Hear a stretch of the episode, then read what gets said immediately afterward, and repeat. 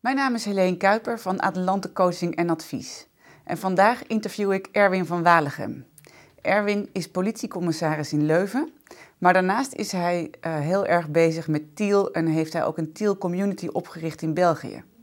En hij gebruikte de uh, kenmerken van Tiel organiseren, dus heelheid, een evolutionair doel en zelfsturing, ook in zijn werk als politiecommissaris. Ik vind dat een heel interessante combinatie, want op de een of andere manier voelt politiewerk en zelfsturing en Tiel voor mij als eh, twee heel tegenstrijdige dingen. Dus ik ben heel benieuwd wat hij uh, ons gaat vertellen over hoe hij dat doet en waar hij tegenaan loopt en ook wat de resultaten daarvan zijn.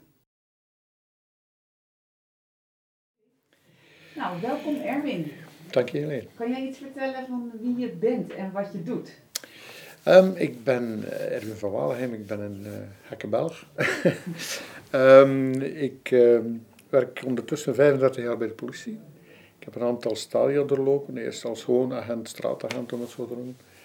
Uh, en ondertussen ben ik bijna 16 jaar officier, zoals dat dan heet leidinggevende. Ik noem mezelf eigenlijk ondertussen leidinggever of leidingdeler, want ik deel mijn leiding met andere mensen. Maar daarnaast ben ik eigenlijk ook heel sterk bezig met, of laten we zeggen goed bezig met, het de vernieuwende leiderschapsprincipes van mensen meer in kracht zetten en ja, leiding laten nemen door de mensen die dat echt best wel kunnen, zonder dat, dat er veel poespas bij komt. Uh, want iedereen is toch best wel bekwaam uh, om zelf, om, om eigen leiderschap op te nemen. Dus dat zijn zo twee petjes dat ik draag. Ik, ik ben dus aan de ene kant leidinggevende bij de politie. Um, en het leuke daaraan is, is dat ik dus de dingen die ik buiten de organisatie doe, ook kan binnenbrengen in mijn eigen organisatie. Dus, en hoe doe je dat dan concreet? Wat voor stappen heb je gezet om die verandering te bewerkstelligen? Nou, dat was... Ehm, Ik, ik moet eerst zeggen, de, de korpschef was eigenlijk al bij mijn sollicitatiegesprek uh, vrij geïnteresseerd in die ideeën, want hij wist ook waar ik buiten de organisatie mee bezig was. Ik ben nog eigenlijk nog maar, pas, laten zeggen, van 1 januari officieel, of 1 januari 2015 ben ik dus officieel bij de zone Leuven werkzaam. Um, en mijn sollicitatiegesprek, dat ging ik wel voor 80% over die principes en met de vraag van hoe kan je dat bij ons binnenbrengen? Hoe denk je dat dat zou kunnen lukken bij ons? Uh, uiteraard komt dan ook de vraag, hoe maak je dat concreet? Het is niet zo, zomaar even 1, 2, 3 dat je iets concreet uh, in die zin kan maken, maar vertrouwen, uh, ja, plak je daar een cijfer of op niet? Hè? Kan je dat even uit, uit vergroten en concreet maken? Um, het gaat over een gevoel, het gaat over emoties, dus dat is niet zo evident. En dan bracht ik ook over bij hem, maar toch bleef hij erin geloven van het kan. Dus dat was een eerste stapje. Dan werd ik al heel snel omringd door mensen die daar ook best wel in geloven. De beleidsadviseur, Uh, hoe paradoxaal het ook klinkt, maar onze directeur uh, interne controle bijvoorbeeld, die vond zich ook wel terug in, in die principes. En ik ben heel snel gaan spreken met, collega's die, ja, ik moest mij gaan voorstellen, want ik kende daar niemand. Dus ik sprak daar natuurlijk al over, want wat hij zet, dan komt er dan ook uit op die manier.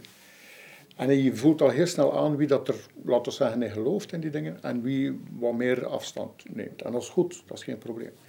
Maar dan kom ik bij mijn team terecht, en ik kende daar uiteraard niet, dat is een team van 20 mensen, uh, die heel veel bagage mee hebben van vroeger, onopgeloste conflictjes, uh, ja, zaken van vroeger die gebeurd zijn, ook vanuit de leiding enzovoort. Mensen die, die, uh, die laten we zeggen, niet verdwenen zijn, maar die, die ja, vertrokken zijn uit de dienst en, en niet, ook niet vervangen werden enzovoort. Um, dus de dienst werkte eigenlijk wel samen in vier celletjes. Maar ze, konden, ze kenden elkaar eigenlijk niet zo goed. Als mens misschien wel, maar wat de werk, werkzaamheden betrof, eigenlijk niet. Um, dus op een zeker moment ben ik eigenlijk gewoon op 5 januari, 6 januari was mijn, was mijn tweede werkdag, heb ik gewoon mensen apart, afzonderlijk beginnen aanspreken, zo'n beetje zoals wij nu zitten. En mij gewoon voorgesteld en ook vooral geluisterd naar wie dat zij waren. En op het einde van het gesprek zei ik eigenlijk altijd van, kijk, uh, ik ken jou niet, jij kent mij nog niet, maar van mij krijg je eigenlijk 200% vertrouwen. Maar ze kijken dan natuurlijk eerst raar, omdat ze niet zo geconditioneerd zijn van hé, vertrouwen, dan moet je toch winnen. Uh, of dan moet je toch, hè, je moet dat toch bewerkstelligen, je moet dat laten groeien. Terwijl ik eigenlijk binnenkwam en zei, ja, ik krijg van mij vertrouwen. En toen keken ze en als ik ze zo wat sceptisch zag kijken, zei ik direct erbij van, ja, oké, ik ken jou niet, jij kent mij niet. Welke redenen heb ik dan om jou te wantrouwen? Geen, totaal niet. Uh, maar dat betekent ook wel dat dat vertrouwen hangt ook samen met zelfdiscipline, met verantwoordelijkheid opnemen, met een aantal afspraken kunnen maken in open communicatie, wat niet zo evident is uiteraard. En uh, ik zei er ook altijd bij van, je kan het echt maar één keer schaden. Vertrouwen kan je echt maar één keer schaden. Want als wij, we hebben een vertrouwensrelatie uh, en dan uh, ja, gebeurt er iets die dat vertrouwen beschadigt, dan zal er altijd, hoe goed, hoe goed dat je het ook herstelt nadien, een klein waakvlammetje zijn die in je achterhoofd zegt van, hmm, met die persoon moet ik toch een klein beetje voorzichtig zijn. Wat gebeurt er dan bijna automatisch? Dat is dat mensen zich gaan gedragen naar dat vertrouwen. Zonder dat je dat zelfs moet stimuleren. En er zijn inderdaad mensen die altijd die grenzen wat gaan opzoeken. Maar dan is het heel gemakkelijk om die mensen hè, even bij te roepen. En niet vanuit dat directieve, maar vanuit, laten we zeggen, het, ondersteunende. Te zeggen van, weet je nog wat we besproken hebben in ons eerste gesprek? Ja, ja, ik weet dat het over vertrouwen ja, ik weet het, ik het een beetje moeilijk nu op dit moment. En dat kan allerlei redenen hebben. En als je dat respecteert, is dat geen probleem. Dus als je blijft tonen dat hij ook dat vertrouwen heeft, dan komt dat automatisch, dan groeien mensen daar alleen maar. Dus dat was een eerste stap. Uh, en dan heb ik eigenlijk negen maanden, een heel, heel symbolisch getal uiteraard, negen maanden, mensen eigenlijk, wat ik noem, en dat, dat klinkt misschien een beetje raar, maar uh, mensen bedruppeld. Hè? Of mensen zaadjes geplant, om het zo te noemen. En dat kwam eigenlijk heel natuurlijk, ik, was, ik deed dat eigenlijk heel onbewust. Maar natuurlijk, ben ik zo gedreven met, die, met dat onderwerp bezig, dat er natuurlijk wel af en toe eens boven komt, dat je eens met mensen erover praat. Of dat ik dan bijvoorbeeld een, een presentatie had gegeven ergens, en mensen hadden dat gezien op Facebook, en dan zeiden ze tegen mij van, oh, we hebben gezien dat je daar een lezing hebt gegeven, waar gaat het eigenlijk over, en zo. En dan ben je eigenlijk te praten. Negen maanden later, exact, bijna dag op dag, zijn we begonnen met een traject van zelfsturing. Heb ik eigenlijk eerst een introductiesessie gegeven waarbij ik het filmpje toonde van de politie Horst, als voorbeeld. Van kijk, dit is een organisatie in onze cultuur waar het kan, waar regelvrij in Nederland toen dat dan gewerkt wordt. Waar mensen zelf eigenlijk procedures naar gelang het aanvoelen en het, en het uh, responderen kunnen, kunnen uh, invoeren of kunnen uitvoeren. Um, en gewoon het feit dat mensen eigenlijk zelf best al heel, heel sterk bezig waren op hun eigen vlak, heel veel zelfleiderschap namen. Dus dat was eigenlijk niet zo moeilijk om die slag om te slag te maken. Maar tijdens die introductiesessie, dus na het vertonen van dat filmpje, stelde ik gewoon de vraag van wie wil meewerken om van ons team zo'n team te maken. En ik stond er zelf van versteld, alleen 100% van de mensen stak zijn hand in de lucht. Nu, uiteraard kijk je dan wel eens naar de gezichten en dan zie je wel dat er een aantal mensen bij zijn die, sceptisch zijn. Hè. Die zeggen, ja, we moeten het allemaal nog wel zien. Maar misschien is het weer zo'n officier die even afkomt met een nieuw, nieuw, hè, een nieuwe motivatietool uh, of weet ik veel. Terwijl dat, eigenlijk helemaal niet is. Het gaat over gewoon natuurlijk samenwerken. En dan zijn we, die, zijn die hebben dat heel snel opgepikt, een aantal toch. Er waren ineens, heel natuurlijk zijn er een aantal... Uh, ja, moet ik gaan zeggen, eh, voortrekkers geweest in die groep. Die zeiden van ja, we kunnen daar samen. En de bedoeling was uiteraard dat ze zelf dingen gingen beslissen. Ze zijn bijvoorbeeld heel snel gestart met hun verlof, en dat is ook heel logisch, want dat belangt hun aan natuurlijk, hun verlof zelf te organiseren. Um, daar waar dat, vroeger moest getekend worden door mij of door een van de hoofdinspecteurs. Um, daar moest dan krabbel, maar meestal was dat ook pro forma. Het enige wat ze moeten maken is dat er altijd iemand is, dat er continuïteit is in hunzelf en in de Hanse dienst eigenlijk. Uh, dus daar houden ze nu rekening mee. Ze hebben ook heel snel beslist om elke dag samen te zitten. Ook al is het maar een kwartier, twintig minuten. Ook al wordt er niks speciaals gezegd omtrent de werkzaamheden, omdat alles vrij goed verloopt. Maar een goede koffiepauze waarin dat er wat humor is, waarin er mensen echt elkaar goed leren kennen. Respect krijgen voor elkaar, vertrouwen krijgen in elkaar eigenlijk die samenhorigheid dat je ziet groeien. En soms wordt er eens twee uur vergaderd of samengezeten om, omtrent hele specifieke materie, waar ik niet altijd bij zit zelfs. Soms leg ik het wel op tafel, maar kijk, ja, dat is iets die van boven komt, dat mij wordt gevraagd, dit is het probleem, dit is het item, waarom bespreek je dat niet zelf? Maar daarvoor hebben, we, dat hebben ze heel snel opgepikt en, en zijn ze bijna onmiddellijk beginnen doen. En daarnaast hebben we ook vijf sessies gehad waarbij we eigenlijk begonnen met um, wat is onze waarom als team binnen onze organisatie. Dat is het moeilijk, dat is niet zo gemakkelijk. Om, he, heel veel mensen gaan bijvoorbeeld over naar het wat en het hoe. Uh, zoals Simon Sinek zegt, dat klopt dus ook. We zijn van nature uit al, wat doen wij? Ah, dat is, we zijn een helpdesk, we zijn dit en we zijn dat. Of we doen dat. En hoe doen, doen we, dat weten de meeste mensen ook nog. Maar waarom? Dat wordt soms heel, heel snel vergeten. Uh, dus we zijn er eigenlijk niet direct uitgekomen. Er hingen wel ideeën in die richting uit. En dat groeit en dat moet groeien. En nu steeds meer wordt, beseffen mensen waarom dat ze er eigenlijk zijn. En als ze van daaruit vertrekken, dan, dan zit het eigenlijk wel goed, omdat ze er ook in geloven uiteraard. Een tweede sessie ging over, oké, wat willen jullie nu zelf eigenlijk veranderen aan jullie samenwerking? Uh, en er kwamen heel specifieke zaken uit, veel meer collegialiteit enzovoort, elkaar ondersteunen als dat kan. De derde sessie ging over de waarden die wij uh, gezamenlijk willen uitdragen en, en ja, gezamenlijk met elkaar willen bekijken. Um, een vierde ging over het gedrag die eraan vasthangt. In die zin, je hebt waarden en je hebt gedrag die, dat, die die waarden ondersteunt. Je hebt ook gedrag die die waarden onder druk komen te zetten. Dus eerder ongepast gedrag. Het is net op dat ongepast gedrag dat mensen ze, elkaar moeten durven aanspreken. Als, je spreekt over zelfsturing of zelfmanagement of zelforganiseren, uh, het is niet het woord die ertoe doet, maar de manier van samenwerken um, dan merk je heel snel dat mensen heel terughoudend zijn om elkaar te zeggen waar het eigenlijk op staat. En die, dat was dan de laatste sessie, ging over communicatie, over open communicatie. En dan moet ik zeggen, dat is eigenlijk wel nog het moeilijkste. Waarom? Omdat wij allemaal, zeker in onze organisatie, geconditioneerd zijn uh, om vooral niemand te bruskeren, om niet te zeggen waar het eigenlijk op staat, om vooral een masker op te zetten hè, en niet te tonen wie dat je echt bent. Um, dus die open communicatie is best wel moeilijk. Zelfs voor mij. En ik was er nu zelf zo van overtuigd. En ik ben zelf al plat op mijn buik gegaan. Of op mijn bek gegaan, zoals dat dan heet in, in, in, in, in het Nederlands of in het Vlaams, maakt niet uit.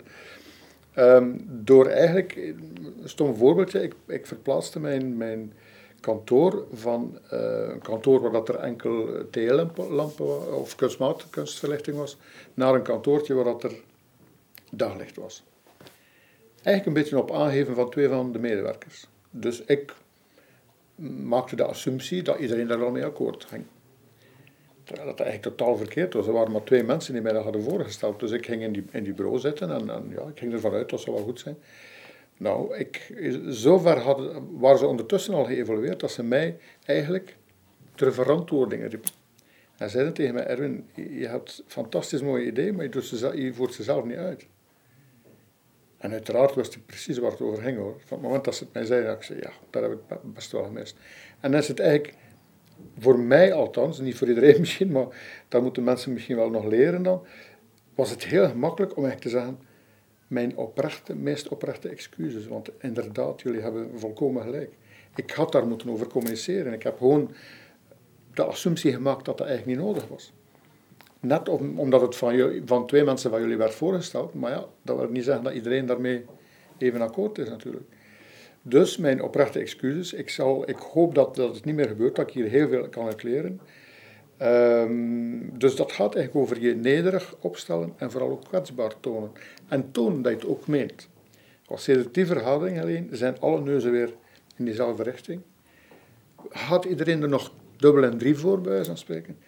Ehm, is iedereen, ja, iedereen is veel opener geworden ondertussen. En dat komt gewoon omdat, je, omdat dat ene momentje eigenlijk de deklik maakt bij mensen van, hij meent het dan toch. En dat is het leuke eraan. Dus dat zijn die stappen dat je eigenlijk een beetje kan doorlopen. Maar het is elke dag hard werken hoor. Vooral ook omdat je, wij zijn nu één team binnen de politie Leuven die dit op die manier doet. Er zijn nog andere teams ook die, die in die richting bezig zijn. Hier en daar is nog altijd wel vanuit die hiërarchie en dat mag ook. Je hoeft daarvoor geen stappen over te slaan. Hè. Um, je mag gerust van oranje naar groen. Hè? Dat mag. Um, en als je dan verder kunt evalueren, oké, stapje per stapje, dan komt, dat, dan komt dat wel goed. En ik heb al aangegeven, als andere officieren naartoe bereid zijn en ze willen mijn bijstand erin, dan kan dat. Daarvoor ben ik er ook. Um, de, een van de zaken, er was ook een kernteam bijvoorbeeld, die dus de opvolging van, van dat traject een beetje bekijkt. Ik geef af en toe feedback naar de, naar de kernteam. Er is ook een soort blogpagina opgestart waar ik af en toe voeding aan geef. Uh, dus het wordt wel opgevolgd door de korpschef, vraagt me heel dikwijls van hoe gaat het er nu mee, hoe staat waar staat het. En de volgende stap is het om inderdaad uit te dragen naar andere, naar andere teams, uh, zodanig dat het eigenlijk over de Hanse organisatie kan groeien uiteraard. Dus daar staan we nu voor en ik denk dat dat wel best uh, ja, een goed verloop zal krijgen, als we, zeker als we beginnen. Maar het wordt wel opgevolgd. Ik heb ook een presentatie gegeven voor mijn collega's officieren, om te mee te geven van kijk, dit is waar wij mee bezig zijn. Uh, dat zijn de principes. En 70% van die mensen kwam bij mij terug en zei van, we zijn er wel in geïnteresseerd, want het zet ons ook aan het nadenken. En dat is eigenlijk het enige dat je moet doen, dat is dat zaadje planten van, je moet geen mensen overtuigen, want dat kan niet. Gewoon die zaadjes planten, mensen laten nadenken. En dan komt het wel goed. Omdat die zelfleiding en die samenwerkingsdrang eigenlijk toch al aanwezig is. Alleen moet je dat triggeren natuurlijk. Dat is hetgeen dat we eigenlijk gedaan hebben. En, daar heb je geen groot model voor nodig. Of, we hebben, zijn gestart vanuit geen model. Uiteraard heb ik een bepaalde achtergrond. Hè. Ik heb heel veel gelezen in de laatste vijf jaar. En die gebruik je dan, bewust of onbewust, het maakt niet uit. Je gebruikt het en dat is wel fijn natuurlijk. Dat kan combineren. om maar eens te zeggen, ik ben eigenlijk officier geworden vanuit het idee bij de politie eh, van het kan ook anders.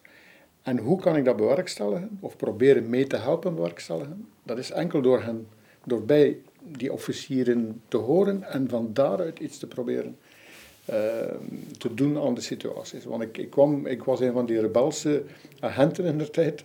Um, om maar een voorbeeld te geven, als, als een collega, als een officier bijvoorbeeld in de, uit de oude tijd, hè, zoals jij dat dan voorstelt met je dikke snor, uh, mij passeerde in de hang en die, die, die, die liep gewoon voorbij zonder een, een, een goede dag te zeggen. Dan was ik degene die mij ook wel eens omdraaide en durfde te zeggen van, hé, hey, ook een goede dag. Omdat dat mij ontzettend stoorde. Dat gaat over essentiële menselijke beleefdheid, waarden, uh, respect voor elkaar. Dus daar begon dat eigenlijk al wat, wat te knagen. En dan, dan word je, word, werd ik zelf officier en ik moet eerlijk toegeven, dan word je eigenlijk wel meegezogen in die, god ja, moet dat noemen, in die trechter of in die buis van, ja, we moeten, we moeten afstand nemen en we moeten erboven staan en we moeten controleren. Voor een stukje ga je daarin mee, terwijl dat eigenlijk natuurlijk tegen je eigen natuur is. En dan ga je op een zeker moment echt wel rebelleren. En een jaar of vijf, zes geleden ehm, ja, was ik daar zodanig door geraakt door het feit dat mijn collega's, en ik neem die mensen daar ook niet kwalijk, want we zijn ook geconditioneerd in die zin natuurlijk, maar mijn collega's officieren, ik hoorde die vertellen van ja, het zijn een bende luiaards en we hebben een stok achter de deur nodig, we hebben nieuwe regels nodig en nieuwe procedures en we moeten ze controleren. En, en ik wist niet wat ik hoorde. Ik had zoiets van, we zijn ondertussen het jaar 2000 en zoveel. En nog denken wij altijd dat onze mensen eigenlijk constant leiding nodig hebben, terwijl dat ze elke dag opnieuw buiten gaan de mensen bijstaan, hun taak doen, altijd met, met, met intrinsieke motivatie om dat toch zo goed mogelijk te doen. En oké, je hebt een aantal, je hebt misschien wel een bepaald percentage die de, kantjes afrijdt, zoals dat dan in Vlaanderen heet. Uh, maar dat is een heel miniem percentage. En dan heb ik zoiets van, waarom gaan wij die 98% of die 95% die het wel goed doet, eigenlijk in dezelfde zak steken als, als die 2 of 3 of 5% die het minder goed doet. Hè? Waarom gaan we die mensen die het niet zo goed doen, niet coachen en gaan we die mensen, die 95% waarderen?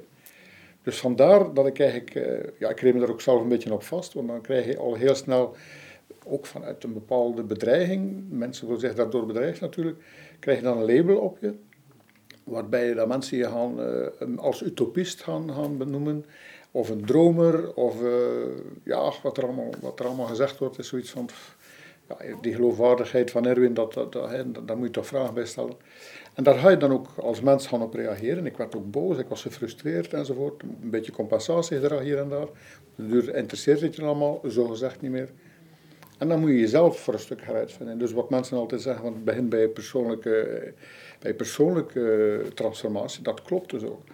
En dan heb ik eigenlijk een periode gehad waar ik mezelf terugvond ben ik heel veel beginnen lezen, ook een beetje op aangeven van, van een, een collega uh, van mij.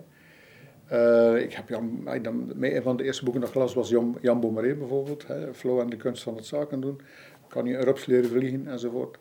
Dan kom je vlug uit bij Jeff Staes, bij, bij Stephen Covey, bij, bij goh, zoveel, zoveel uh, laten we zeggen, auteurs die, die eigenlijk al die herkenbaarheid aan je teruggeven. En daar groei je dan in. En in 2013, uh, of in 2012, uh, eh, ik weet niet juist wanneer het was, zag ik een, eh, een VPRO-reportage over Semco, over Ricardo Semmeler. En daar dacht ik van, waarom wist ik dat niet eerder? Die man, die man is al bezig van in de jaren 80 om, om, ehm, ja, om, om die principes eigenlijk van democratisering en, participatief leiderschap, om dat in zijn bedrijf uh, binnen te brengen, die is er ook ontzettend in geslaagd. Dus ja, ik, ik, ik heb die principes mij eigenlijk laten zeggen, ik heb me daar wat in verdiept, in die boeken van, van die mensen. En dan ben ik eigenlijk gewoon gestart met, met laten we zeggen, presentaties te geven over Semco. Uh, en van daaruit is eigenlijk alles gegroeid. En toen natuurlijk Lalou uitkwam, Reinventing Organizations inkwam, was voor mij eigenlijk een beetje de cirkel rond. Want hij had eigenlijk een globaal beeld gegeven van ook andere bedrijven die in die richting hadden. Ik, buurtzorg kende ik eigenlijk ook al, omdat ik altijd wel op zoek was naar meer regionale voorbeelden, zoals Semco eigenlijk werd, wilde ik ook kijken in Vlaanderen en in Nederland. Uh, hoe, hoe bedrijven op die manier konden evalueren of geëvalueerd waren. En buurtzorg is natuurlijk eentje van. Kesselaar en Zoon is, is een ander. Drukkerij Wedding. Er zijn heel, steeds een groeiend aantal voorbeelden. Dat is wel fijn natuurlijk. En want daar groeit dan natuurlijk uiteraard ook die passie. En een ultieme droom van mij was van, als ik dat ooit vroeg of laat kan terug binnenbrengen in mijn eigen organisatie, dan, dan is de cirkel rond en dan, voel ik, dan zal ik een heel gelukkig mens zijn. En ondertussen krijg ik die kans van mijn huidige korpschef om dat wel bij ons in Leuven dan ondertussen eh, binnen te brengen. En vandaar dat dan natuurlijk, allee, dat, dat, maakt mij ontzettend gelukkig dat ik, dat, kan, dat ik die wisselwerking heb natuurlijk. Tussen wat ik er buiten doe en wat ik nu ook binnen de organisatie kan uh, organiseren. Dat komt eigenlijk op neer. Samen met de mensen, want ik doe het niet alleen natuurlijk. En dan ben je politiecommissaris en je bent zo bezig met Tiel. En ja. als ik daar zo naar luister en dan heb ik zo'n beeld van politie en politiecommissaris en de politieorganisatie, dan denk ik, dat is gewoon bijna een soort tegenstelling in zichzelf. Hoe, hoe werkt dat dan? Dat lijkt een tegenstelling en dat voor een stuk van oudsher klopt dat uiteraard ook wel. Het is zo dat de politie samen met het leger waarschijnlijk uh, de, de meest symbolische organisaties zijn als hiërarchische oude cultuur denken. Dat is blauw eigenlijk, hè? Inderdaad, ja. Uh, heel terroristisch. Uh, mensen worden echt aanzien als radertjes in een machine. Hè. Um, die, die lagen zijn bij ons van nature uit, bij van spreken, uh, aanwezig. En toch, zeker bij politie, um, hebben we eigenlijk al een insteek naar het, mens, naar het meer menselijke toe. We zijn er uiteindelijk om de burger, om, de, om het publiek te dienen. Die dienstbaarheid is eigenlijk, zit ook in, in onze DNA. Dus het is zo'n beetje constant een, een een uh, evenwicht zoeken tussen dat hiërarchische, dat heel strikt hiërarchische, regeltjes, procedures, uh, stokken achter de deur, bij wijze van spreken, uh, tucht en weet ik veel wat. Um, aan de andere kant die dienstbaarheid en die zorgzaamheid voor, voor, voor de maatschappij. en dat daar, als je daar die brug kan gaan leggen, en uiteindelijk zelfs binnen die hiërarchie die TIEL-principes kan gaan hanteren, want uiteindelijk wat zijn de TIEL-principes? Dat zijn eigenlijk essentiële zaken die al in ons zitten. Die moeten enkel eigenlijk maar naar buiten gebracht worden. En als ik dan kijk naar de teams binnen de politie, die werken eigenlijk best wel zelfsturend door. Alleen denken leidinggevenden meestal van, ik, ik regel dat hier wel goed. Terwijl dat de mensen eigenlijk zeggen van, ja, of dat die baas er nu is of niet is, oké, die heeft ons wel leiding en wat, hè, wat ondersteuning. En daar moeten we dan werk van maken. Dat die rol van die leidinggevende eigenlijk anders kan aangepakt worden. En dat kan ook binnen de politie. Dat kan eigenlijk in elke organisatie. Dus, en, en het mooie is, als dat bij de politie kan, dat andere organisaties misschien ook gaan denken van, als dat daar kan, kan het zeker ook bij ons. Dus uh, het is aan de ene kant paradoxaal. Aan de andere kant denk ik dat het net, uh, als het bij ons lukt, en dat, dat doet het ook op dit moment, uh, dat dat een heel mooi voorbeeld kan zijn hoe ja, organisaties kunnen evolueren richting meer humaniteit en meer humane insteek levert het concreet op? Wat, wat, ja, wat verandert er waardoor het de moeite waard is dat anderen dit ook gaan doen? Ja. Jouw, jouw collega's bijvoorbeeld. Well, um, een van de eerste zaken was uiteraard, die, he, zoals ik zei, die, die celcultuur, die silocultuur uh, die er eigenlijk was. Vier, vier celletjes in een team van twintig mensen, dat is al he, vrij beperkend. Die celletjes zijn eigenlijk open weggevallen. Dus oké, de hoofdtaken blijven, want het was vooral op hoofdtaken gericht, die hoofdtaken blijven. Daar gaan we mensen ook niet, niet, niet uithalen, dat hoeft ook niet. Uh, maar ze kijken nu veel sneller naar elkaar. We hebben vorige week maandag zijn we, hebben we samengezeten rond het feit van multifunctionaliteit. Dat betekent in plaats van enkel maar in je celletje te kijken, dat je ook naar de andere, dienst, naar de andere celletjes kijkt en zegt van oké, waar kan ik bijstaan als er tijd en ruimte is, want dat is wel belangrijk. Als de capaciteit van medewerkers er ook is. Want daar struggelen wij een beetje mee. We hebben op dit moment zitten we een beetje op ons standvlees. Uh, omdat mensen die vervangen geweest zijn in het verleden, zitten we zo juist ja, met voldoende medewerkers om onze taak, takenpakket te kunnen uh, volhouden. Maar dat takenpakket verruimt altijd maar. Dus als mensen niet vervangen worden, dan komen wij onder druk te staan. En dan mag je de cultuur zoveel mogelijk aanpakken als zo goed mogelijk aanpakken als je wilt. Dan zal dat vroeg of laat teloor gaan, omdat mensen op een, op zeker moment gefrustreerd raken en zeggen van, ja, goed, het is allemaal mooi, die cultuur, maar structureel moet er ook iets aangepakt worden. Uh, maar je ziet dus dat die samenhorigheid veel groter wordt. Dat mensen echt ook uh, vanuit een positiviteit, naar, van een positieve insteek naar hun werk komen. Dat er veel meer, uh, ja, hoe moet ik dat gaan zeggen, warmte is. Dat er veel meer energie stroomt in die, in die dingen. Dat mensen elkaar ja, bijstaan en eigenlijk heel normaal, of heel normaal, natuurlijk met elkaar omgaan. Uh, dat, de, dat de maskers eigenlijk voor een stukje ook afvallen. Afvallen. Um, hier en daar moet er, kan er nog veel geschaafd worden, want we zijn ook nog maar gestart in oktober, dus we zijn nu maart. Uh, er is nog wel weg te gaan natuurlijk. Hè. En er zullen misschien wel nog obstakels komen, maar je merkt nu toch al die samenhorigheid, hoe mensen groeien, hoe sommige mensen die anders heel stil waren bijvoorbeeld, nu mee aan tafel komen zitten en dingen mee bespreken. En, en Waar je van, soms van denkt van, oh ja, die kan ook praten. Omdat die altijd zo stil waren, hè, altijd teruggetrokken waren. Die nu ook zelf, en, en je ziet dus mensen groeien. En als je mensen ziet groeien, dan zal je ook automatisch naar productiviteit het resultaat kunnen zien. En dan merken wij, oké, onze werkdruk blijft hetzelfde en blijft zelfs groeien. Maar het is precies of dat iedereen het veel, met veel meer plezier doet. Dat het niet meer zomaar een taakje is die, die wordt vastgepakt. Dus dat is al een heel groot voordeel.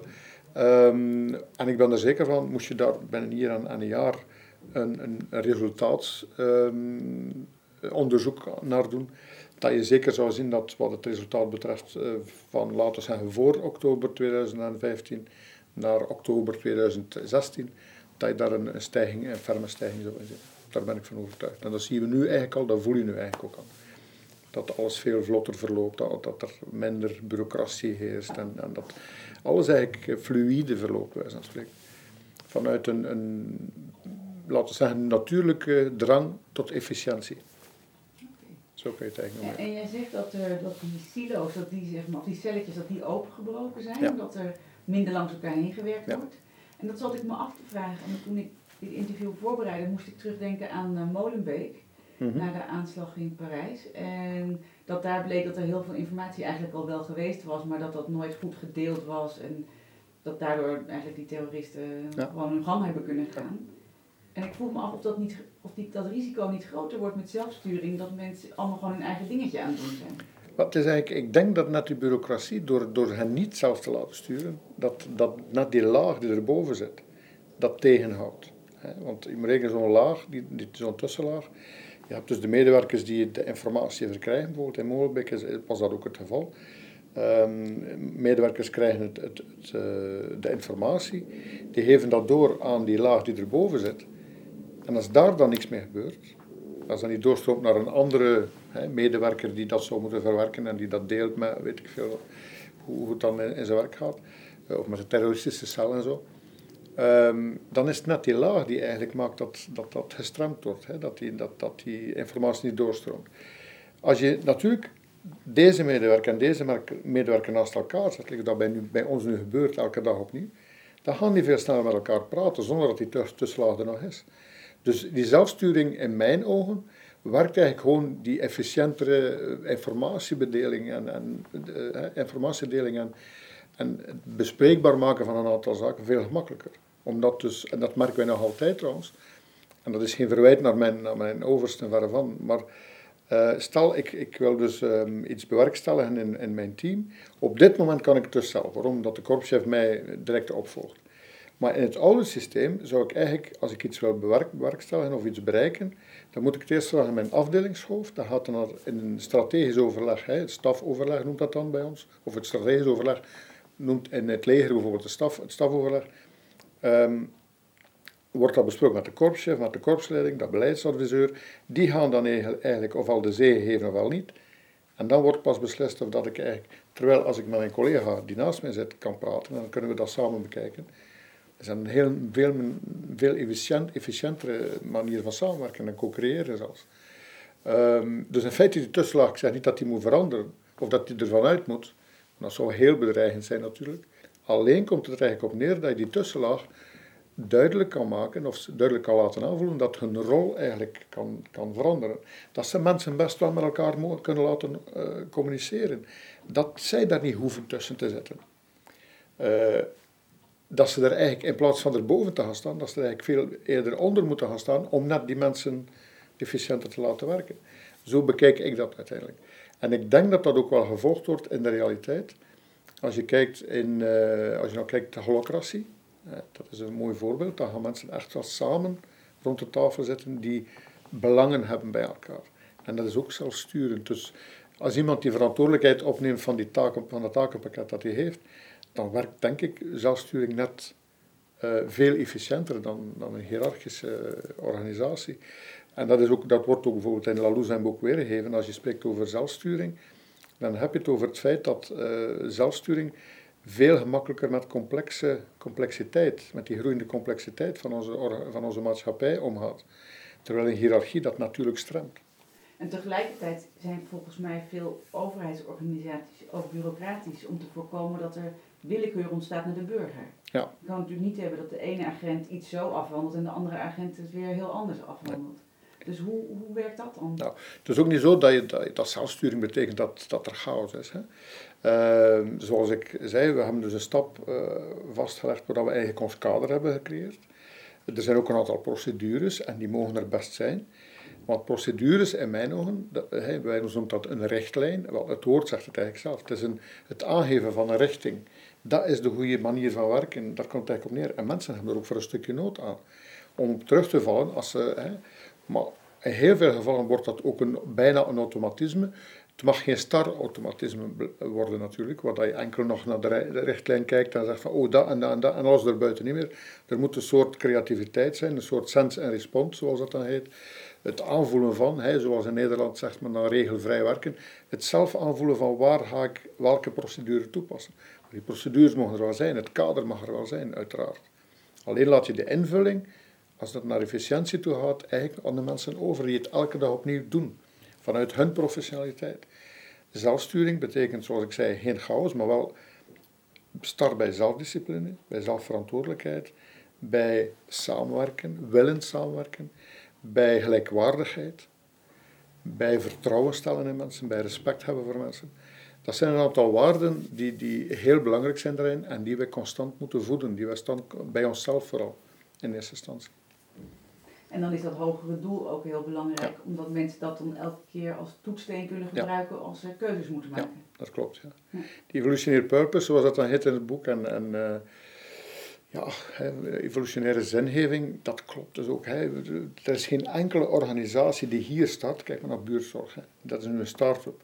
Die zijn gegroeid van zes mensen naar 10.000. Dat is onvoorstelbaar. Dit soort systeem wordt over de hele wereld ondertussen hè, in, in, de zorgsector overgenomen. Ook in België trouwens. Hè. Uh, ondertussen zit buurtzorg ook in België als, als uh, organisatie of als, als bedrijf. Uh, maar ook het, wet, het Wet Hele Kruis bijvoorbeeld. Dat is een van oudsher bestaande thuiszorgsector. of, of bedrijf tenminste, die over heel België werkt. En die hebben eigenlijk de, die principes van buurtzorg overgenomen. In bepaalde delen ondertussen. Ik weet nu, in Oost-Vlaanderen hebben ze dat helemaal omgevormd. De tussenlaag, hè, de, de, het middelmanagement, daarvan tussen. Andere rollen gegeven. Een rol van ondersteuner, van adviseur, van coach. En dat werkt dus ook. Want mensen ja, die voelen zich plots ook gewaardeerd. En dan is het ook heel logisch dat mensen ook veel productiever zijn vanuit hun professionaliteit gaan denken. En inderdaad, dat er een bepaalde, dat er grenzen zijn, uiteraard. Dat, dat, is, dat hoort er voor een stukje zelfs bij. Dat, is, dat maakt dat wij op een gemakkelijker manier kunnen samenwerken. En, en Ladou zelf bijvoorbeeld noemt het dat er de power-hierarchie, dus de machtshierarchie, die, die valt dus weg. Maar er ontstaat voor een stuk ook een natuurlijke hiërarchie van kennis. En dan gaat het helemaal niet meer over graad, of over een functietitel, of over uh, kijk eens wie ik ben, die dus alleen maar het ego ondersteunt.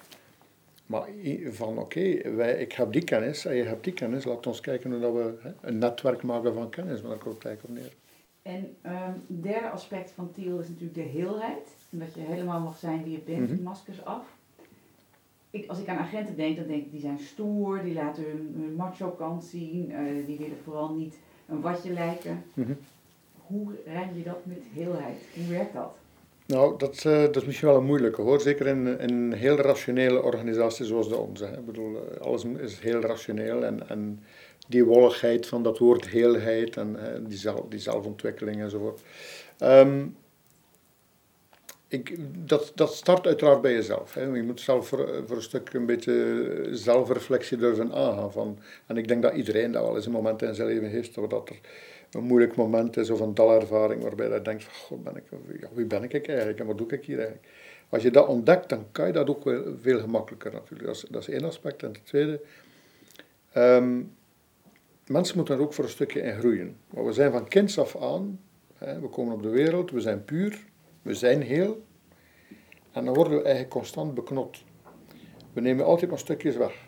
Door de conditioneringen die ons opgelegd worden, door de verwachtingen die we zelf creëren voor een stukje, die de maatschappij creëert enzovoort. En dat mag ook, dat heeft zijn waarde. Maar in feite beknotten we mensen en gaan we die heelheid altijd maar verder en verder beperken totdat er alleen nog een stukje rationaliteit overblijft. Dus moeten mensen constant maskertjes opzetten. Uh, een collega van mij, Anne Baker, die heeft daar, eh, een collega, een, laten zeggen een Vlaamse eh, jonge dame, heeft daar een mooi boek over geschreven, Leiding geven zonder masker. Uh, heel interessant, want dat zit echt wel in, dezelfde richting. Um, die spreekt dus over het feit van, ja, wij hebben een masker op, en dat, dat is ook wat Lalou in, zijn boek beschrijft, van, uh, je moet maar eens een sollicitatiegesprek bekijken. Onze cv, verbloemd of niet verbloemd, maakt niet uit, maar zo, zo goed, zo positief mogelijk opgesteld, uh, een gesprek, een interview, maar meestal nog met mensen dat we eigenlijk nooit gaan mee samenwerken. Um, waar, de, we onszelf fantastisch mooi voorstellen. Het bedrijf of de organisatie die zich ook op zijn beurt veel mooier voorstelt dan dat misschien ook al is. Mensen zijn gedreven, beginnen aan hun eerste werkdag met, oh ja, hier, hier kan ik mijn, hè, heb, mijn, heb ik mijn kansen. En na zes maanden moet je die mensen, diezelfde mensen eens aanspreken en kijken wat er van gekomen is naar zichzelf toe, omdat hij zich misschien mooier of, of zij, hij of zij mooier heeft voorgesteld dan dat ze zijn. Um, dat ze eigenlijk niet zichzelf, want elke mens heeft goede kanten en minder goede kantjes misschien. Als men daar rekening mee houdt, dan is er op zich eigenlijk geen probleem. In onze organisatie is dat best wel moeilijk. En ik denk dat dat misschien het, het moeilijkste van alles is. Omdat net vanuit die conditionering, zoals ik net al zei, mensen durven elkaar bijvoorbeeld niet kwetsen. Uh, terwijl dat je, je hoeft niet kwetsend te zijn als er iets, als iets moet gezegd worden waar, waar het op staat. Je kan dat ook best in, in, in laten zeggen, vanuit respect en vanuit beleefdheid, van een eh, empathisch gevoel uh, met elkaar delen. Dus dat is best wel moeilijk. En je, wat ik ook wel merk is dat um, eer dan mensen maskertjes afleggen, dat dat niet zo dat je er echt wel heel lang moet, moet op, op werk, werk van maken. Dat je er echt moet, moet, moet energie in steken. Uh, en vooral, dat start weer bij jezelf, door te tonen wie dat jij bent. Dat je kwetsbaar op te durven stellen. En te tonen wie dat, ja, ik, ik heb inderdaad fouten. Hè, zoals iedereen. En dan ook het feit dat je die mensen toelaat om fouten te maken. Uh, om te zijn wie dat ze zijn. Uh, de laatste twee jaar heb ik zelf kunnen ervaren wat aanvaarding en geduld meebrengen als, als positieve waarden. En als je mensen kunt aanvaarden zoals dat ze zijn, dan maakt het eigenlijk veel gemakkelijker om, om met elkaar om te gaan. Dat is eigenlijk een natuurlijk gegeven, maar oké, dat is natuurlijk niet, niet, niet evident om dat te bewerkstelligen in een, in een organisatie die van oudsher heel, ja, heel vastzit in, in, ja, goed, in, in ego-gericht denken. En we halen ook mensen binnen op die manier. Hè. Uh, ik, heb, ik probeer nu bijvoorbeeld met nieuwe mensen die bij, bij ons, die solliciteren om bij onze dienst te werken, dan ben ik echt wel op zoek naar van wat betekent die mensen eigenlijk, wat, hè? wat kan die mensen meerwaarde bieden aan de andere mensen in, het, in, in deze groep. Uh, en ik laat zelfs de mensen zelf vanuit die groep mee deelnemen aan dat, aan dat sollicitatiegesprek. Het liefst van alles ik het eigenlijk op zijn stemkoos doen. Dat is dat je zo'n vijftal weken meeloopt in, in die groep. En dat je de mensen echt leert kennen om dan te zeggen van kijk, je past bij ons, je past niet bij ons. Want uh, stel je maar voor dat je dus 40 jaar ergens moet gaan werken en dat je eigenlijk totaal niet in, in een groep past, of je niet kan vinden met mensen. Dan moet echt wel, dat, vandaar ook dat er zoveel mensen met een burn-out eindigen en met stress en met depressie en, en thuis, thuis ziek zijn omdat ze, of mentaal ziek zijn omdat ze eigenlijk niet op de juiste plaats zitten. Dus dat is wel best moeilijk, dat is niet zo evident, zeker in een bestaande organisatie. Dus daar struggelen we nog altijd mee. Het is ook niet zo dat het 1, 2, 3 even opgelost is natuurlijk.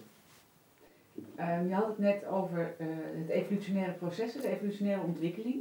Um, ja, logischerwijs ga je dan van een klassiek blauwe organisatie, wat de politie van huis uit denk ik is, via oranje en groen naar teal.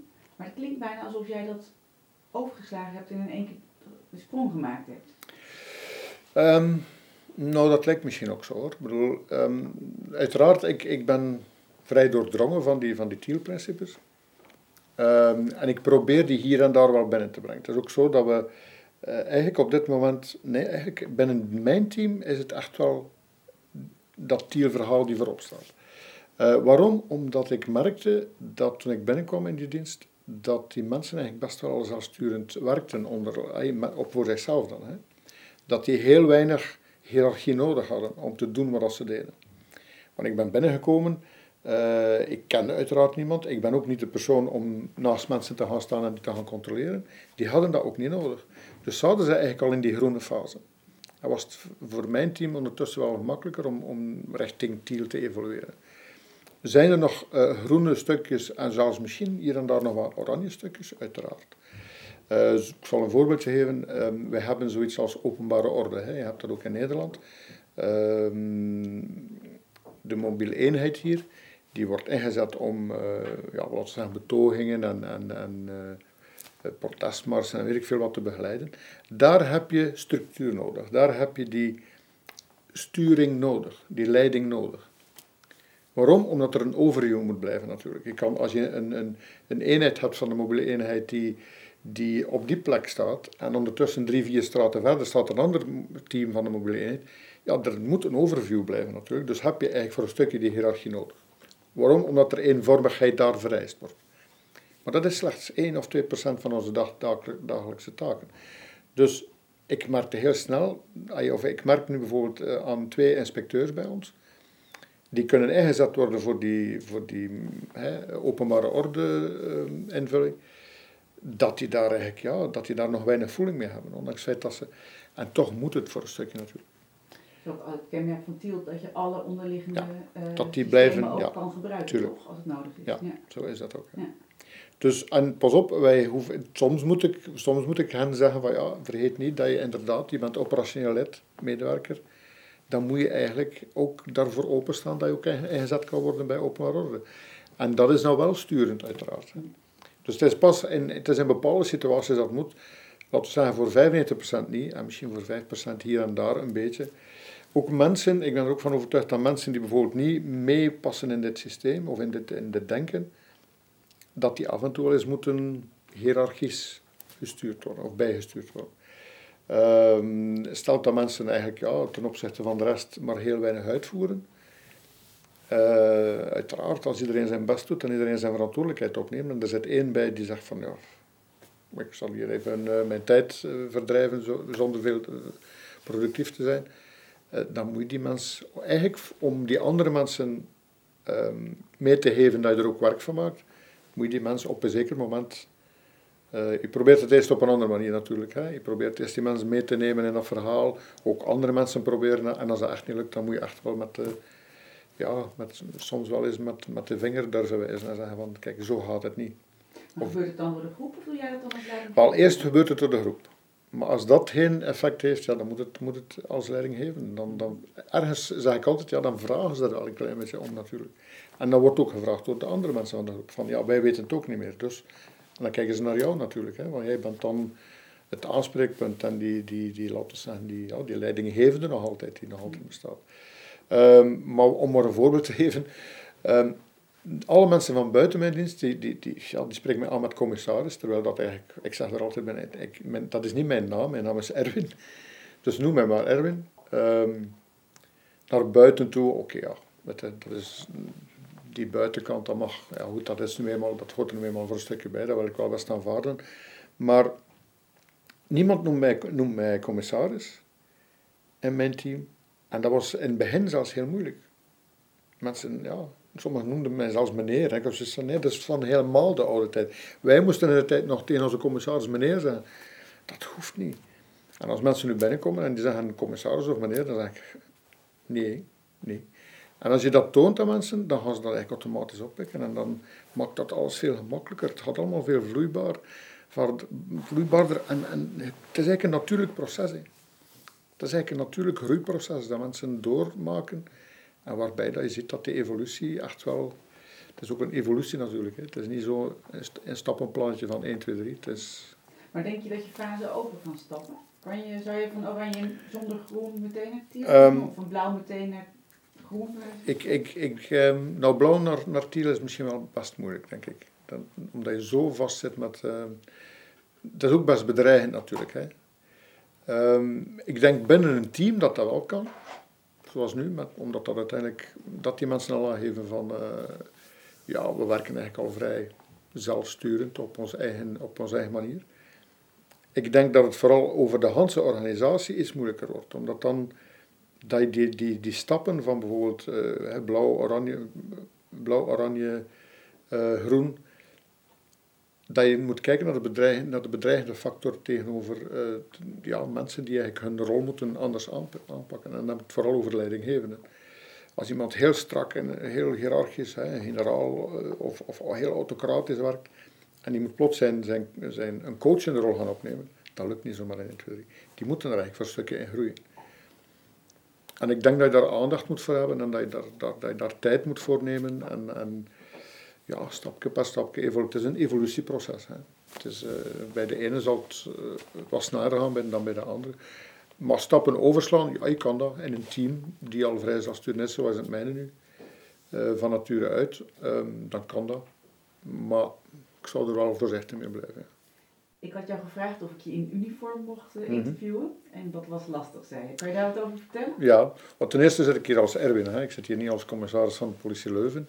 Ik vertel wel het verhaal van, van de politie Leuven. En dat wordt ook ondersteund door mijn korpschef. Uh, en zelfs door de burgemeester op dat vlak. Dus alles wat ik buiten de organisatie doe, ziet mijn korpschef eigenlijk een beetje als een meerwaarde binnen de, de eigen organisatie. Uh, het is dus een mooie wisselwerking. Ehm, alleen zitten wij met principes en met procedures die dat wat moeilijk maken om hier te zitten als, als commissaris in uniform. Daar zou ik eigenlijk wel toestemming moeten voor vragen, omdat dat dan ook een officieel interview wordt met een, hè, met een zoals dat dan heet. Uh, Oké, ik, kan, ik kan daar vinden wat je van vindt. Ik zelf, ja, dat voor mij is dat uiteraard een beetje achterhaald dat ik daar toestemming zou moeten voor vragen.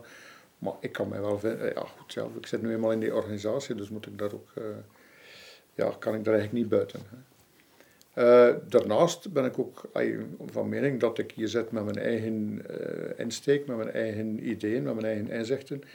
En als ik hier zo in uniform zit, dan ben ik ook vertegenwoordiger van mijn organisatie.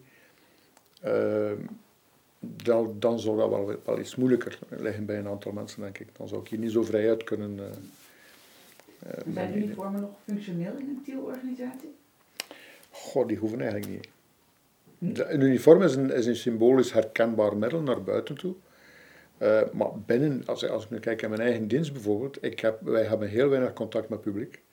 Ik zou eigenlijk even goed een burger kunnen zetten, oh, in eh, hoe noem je dat in, in Nederland? In Nederland, ik weet dat juist. Uh, in, in burgerkledij kunnen zetten dan dat ik in uniform zit. Dat heeft voor mij totaal geen meerwaarde. Integendeel, ik voel me er eigenlijk zelfs een beetje net door die status of die, die, die symbolische waarde van uh, twee houden kroontjes is dat dan bij ons. Uh, ja, kijk, bekijken mensen hier voor een stuk anders.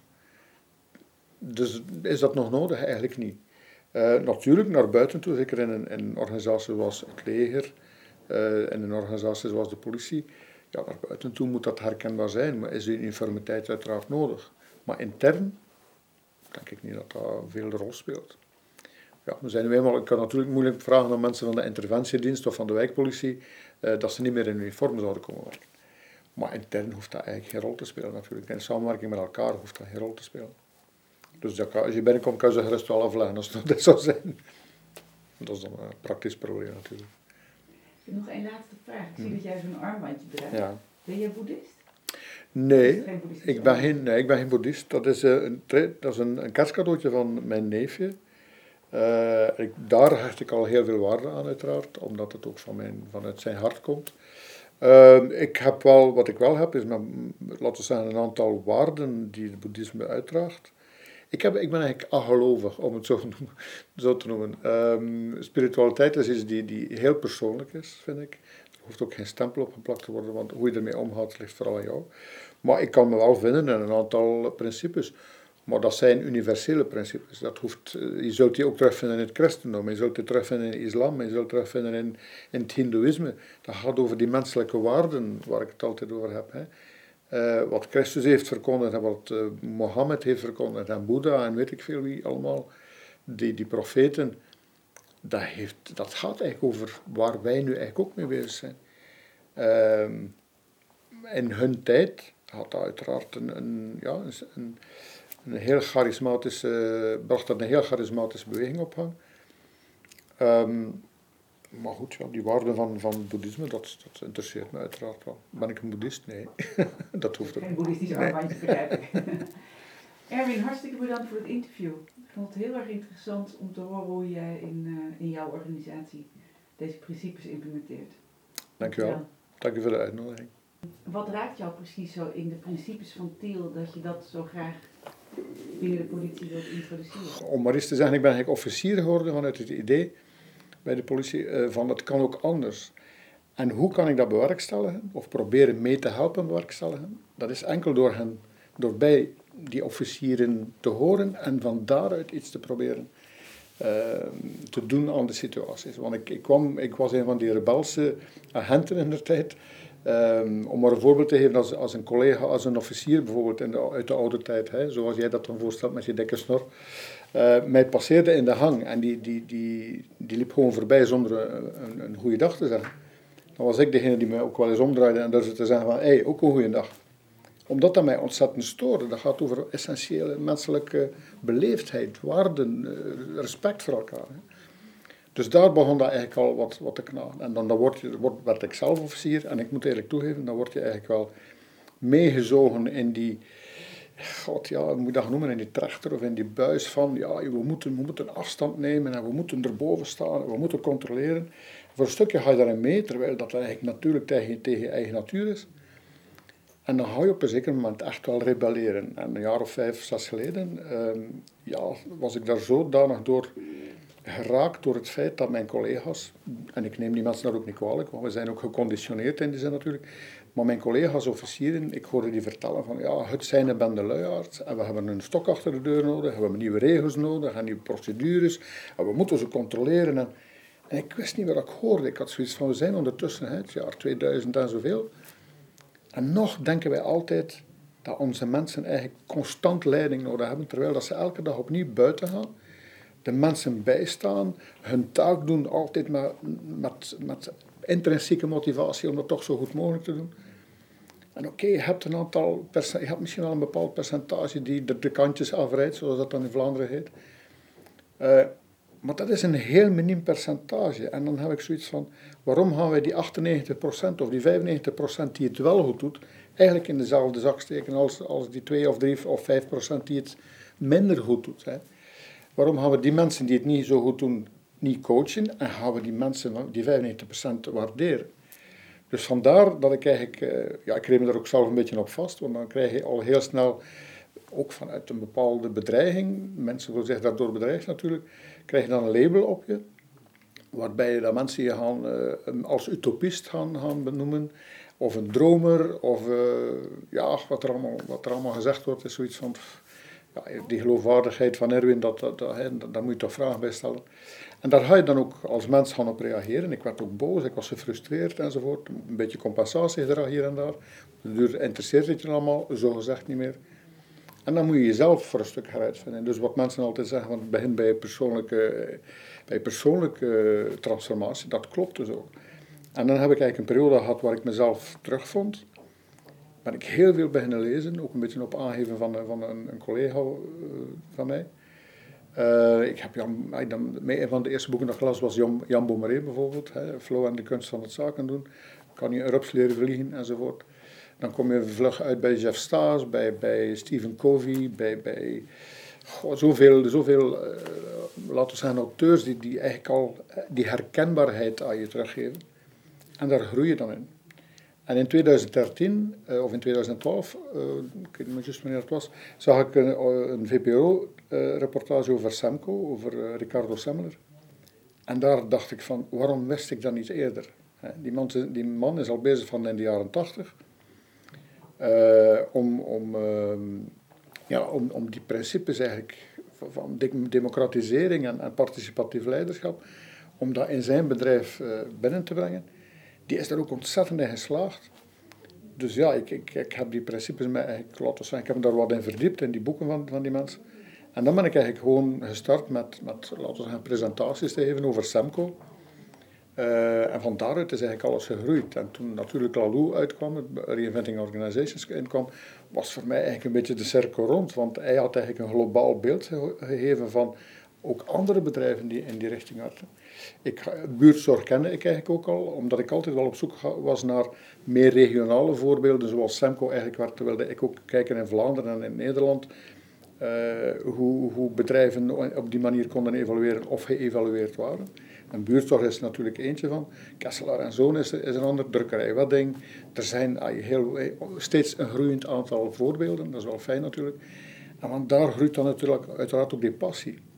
En een ultieme droom van mij was van, als ik dat ooit vroeg of laat kan terug binnenbrengen in mijn eigen organisatie, dan, dan is de cirkel rond en dan, voel ik, dan zal ik een heel gelukkig mens zijn.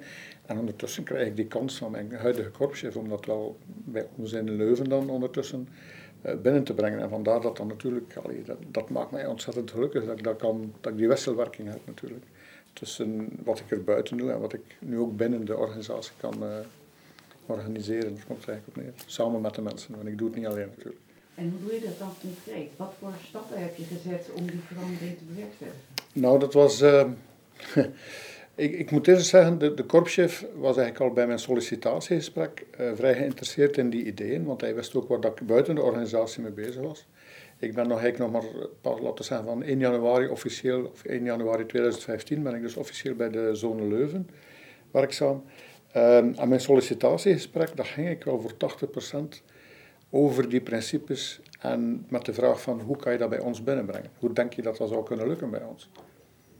Uh, uiteraard komt dan ook de vraag, hoe maak je dat concreet? Dus niet zo, zomaar even 1, 2, 3 dat je iets concreet uh, in die zin kan maken, maar vertrouwen, dat, ja, plak je daar een cijfer of op niet? Hè? Kan je dat even uh, uit, vergroten en concreet maken? Um, het gaat over een gevoel, het gaat over emoties, dus dat is niet zo evident. En dan bracht ik ook over bij hem, maar toch bleef hij erin geloven van het kan. Dus dat was een eerste stapje. Dan werd ik al heel snel omringd door mensen die daar ook best wel in geloven. De beleidsadviseur, Ehm, hoe paradoxaal het ook klinkt, maar onze directeur ehm, interne controle bijvoorbeeld, die vond zich ook wel terug in, in die principes. En ik ben heel snel gaan spreken met, met collega's die, ja, ik moest mij gaan voorstellen, want ik kende daar niemand. Dus ik sprak daar natuurlijk al over, want wat hij zet, dan komt er dan ook uit op die manier. En je voelt al heel snel aan wie dat er, laten we zeggen, in gelooft in die dingen en wie wat meer afstand neemt. En dat is goed, dat is geen probleem. Maar dan kom ik bij mijn team terecht, en ik kende daar uiteraard niet, dat is een team van 20 mensen, uh, die heel veel bagage mee hebben van vroeger. Onopgeloste conflictjes, uh, ja, zaken van vroeger die gebeurd zijn, ook vanuit de leiding enzovoort. Mensen die, die, uh, die laten we zeggen, niet verdwenen zijn, maar die, die ja, vertrokken zijn uit de dienst en, en niet, ook niet vervangen werden enzovoort. Um, dus de dienst werkte eigenlijk wel samen in vier celletjes. Maar ze, konden, ze kenden elkaar eigenlijk niet zo goed. Als mens misschien wel, maar wat de werk, werkzaamheden betrof, eigenlijk niet. Ehm, dus op een zeker moment ben ik eigenlijk gewoon op 5 januari, 6 januari was mijn, was mijn tweede werkdag, heb ik gewoon mensen apart, afzonderlijk beginnen aanspreken, zo'n beetje zoals wij nu zitten. En mij gewoon voorgesteld en ook vooral geluisterd naar wie dat zij waren. En op het einde van het gesprek zei ik eigenlijk altijd van, kijk, uh, ik ken jou niet, jij kent mij nog niet, maar van mij krijg je eigenlijk 200% vertrouwen. Maar ze kijken dan natuurlijk eerst raar, omdat ze niet zo geconditioneerd zijn van hé, vertrouwen, dan moet je toch winnen. Uh, of dan moet toch, je moet dat toch bewerkstelligen, je moet dat laten groeien. Terwijl ik eigenlijk binnenkwam en zei, ja, ik krijg van mij vertrouwen. En toen keken ze en als ik ze zo wat sceptisch zag kijken, zei ik direct erbij van, ja, oké, ik ken jou niet, jij kent mij niet. Welke redenen heb ik dan om jou te wantrouwen? Geen, totaal niet. Uh, maar dat betekent ook wel dat dat, vertrouwen hangt ook samen met zelfdiscipline, met verantwoordelijkheid opnemen, met een aantal afspraken kunnen maken in open communicatie, wat niet zo evident is uiteraard. En uh, ik zei er ook altijd bij van, je kan het echt maar één keer schaden. Vertrouwen kan je echt maar één keer schaden. Want als wij, we hebben een vertrouwensrelatie uh, en dan uh, ja, gebeurt er iets die dat vertrouwen beschadigt, dan zal er altijd, hoe goed, hoe goed dat je het ook herstelt nadien, een klein waakvlammetje zijn die in je achterhoofd zegt van, hmm, met die persoon moet ik toch een klein beetje voorzichtig zijn. Wat gebeurt er dan bijna automatisch? Dat is dat mensen zich gaan gedragen naar dat vertrouwen. Zonder dat je dat zelfs moet stimuleren. En er zijn inderdaad mensen die altijd die grenzen wat gaan opzoeken. Maar dan is het heel gemakkelijk om die mensen hè, even bij te roepen. En niet vanuit dat directieve, maar vanuit, laten we zeggen, het, het ondersteunende. Te zeggen van, weet je nog wat we besproken hebben in ons eerste gesprek? Ja, ja, ik weet dat er over vertrouwen, ja, ik weet het, ik het een beetje moeilijk nu op dit moment. En dat kan allerlei redenen hebben. En als je dat respecteert, is dat geen probleem. Dus als je blijft tonen dat hij ook dat vertrouwen heeft, dan komt dat automatisch, dan groeien mensen daar alleen maar. Dus dat was een eerste stap. Uh, en dan heb ik eigenlijk negen maanden, een heel, heel symbolisch getal uiteraard, negen maanden, mensen eigenlijk, wat ik noem, en dat, dat klinkt misschien een beetje raar, maar uh, mensen bedruppeld. Hè? Of mensen zaadjes geplant, om het zo te noemen. En dat kwam eigenlijk heel natuurlijk, ik, was, ik deed dat eigenlijk heel onbewust. Maar natuurlijk, ik ben zo gedreven met, die, met dat onderwerp bezig, dat er natuurlijk wel af en toe eens boven komt, dat je eens met mensen erover praat. Of dat ik dan bijvoorbeeld een, een presentatie had gegeven ergens, en mensen hadden dat gezien op Facebook, en dan zeiden ze tegen mij van, oh, we hebben gezien dat je daar een lezing hebt gegeven, waar gaat het eigenlijk over, enzovoort. En dan ben je eigenlijk te praten. Negen maanden later, exact, bijna dag op dag, zijn we begonnen met een traject van zelfsturing. Heb ik eigenlijk eerst een introductiesessie gegeven, waarbij ik het filmpje toonde van de politie Horst, als voorbeeld. Van kijk, dit is een organisatie in onze cultuur waar het kan, waar regelvrij in Nederland toen dat dan gewerkt wordt. Waar mensen zelf eigenlijk procedures naar gelang het aanvoelen en het, en het uh, responderen kunnen, kunnen uh, invoeren of kunnen uitvoeren. Um, en gewoon het feit dat mensen eigenlijk zelf best al heel, heel sterk bezig waren op hun eigen vlak heel veel zelfleiderschap namen. Dus dat was eigenlijk niet zo moeilijk om die slag om te slag te maken. Maar tijdens die introductiesessie, dus na het vertonen van dat filmpje, stelde ik gewoon de vraag van wie wil meewerken om van ons team zo'n team te maken. En ik stond er zelf van versteld, alleen 100% van de mensen stak zijn hand in de lucht. Nu, uiteraard kijk je dan wel eens naar de gezegden en dan zie je wel dat er een aantal mensen bij zijn die sceptisch zijn. Hè. Die zeggen, ja, we moeten het allemaal nog wel zien. Of misschien is het weer zo'n officier die even afkomt met een, nieuw, nieuw, hè, een nieuwe motivatietool of weet ik veel. Terwijl dat, eigenlijk helemaal niet is. Het gaat over gewoon natuurlijk samenwerken. En dan zijn we, die, zijn die hebben dat heel snel opgepikt, een aantal toch. Er waren ineens, heel natuurlijk zijn er een aantal, uh, ja, moet ik gaan zeggen, eh, voortrekkers geweest in die groep. Die zeiden van, ja, we kunnen daar samen en de bedoeling was uiteraard dat ze zelf dingen gingen beslissen. Ze zijn bijvoorbeeld heel snel gestart met hun verlof, en dat is ook heel logisch, want dat belangt hun aan natuurlijk, hun verlof zelf te organiseren. Um, daar waar dat, dat vroeger moest getekend worden door mij of door een van de hoofdinspecteurs. Um, daar moest dan krabbel, maar meestal was dat ook pro forma. Het enige wat ze moeten maken is dat er altijd iemand is, dat er continuïteit is in hunzelf en in de Hanse dienst eigenlijk. Uh, dus daar houden ze nu rekening mee. Ze hebben ook heel snel beslist om elke dag samen te zitten. Ook al is het maar een kwartier, twintig minuten. Ook al wordt er niks speciaals gezegd omtrent de werkzaamheden, omdat alles vrij goed verloopt. Maar een goede koffiepauze waarin dat er wat humor is, waar dat er mensen echt elkaar goed leren kennen. Respect krijgen voor elkaar, vertrouwen krijgen in elkaar.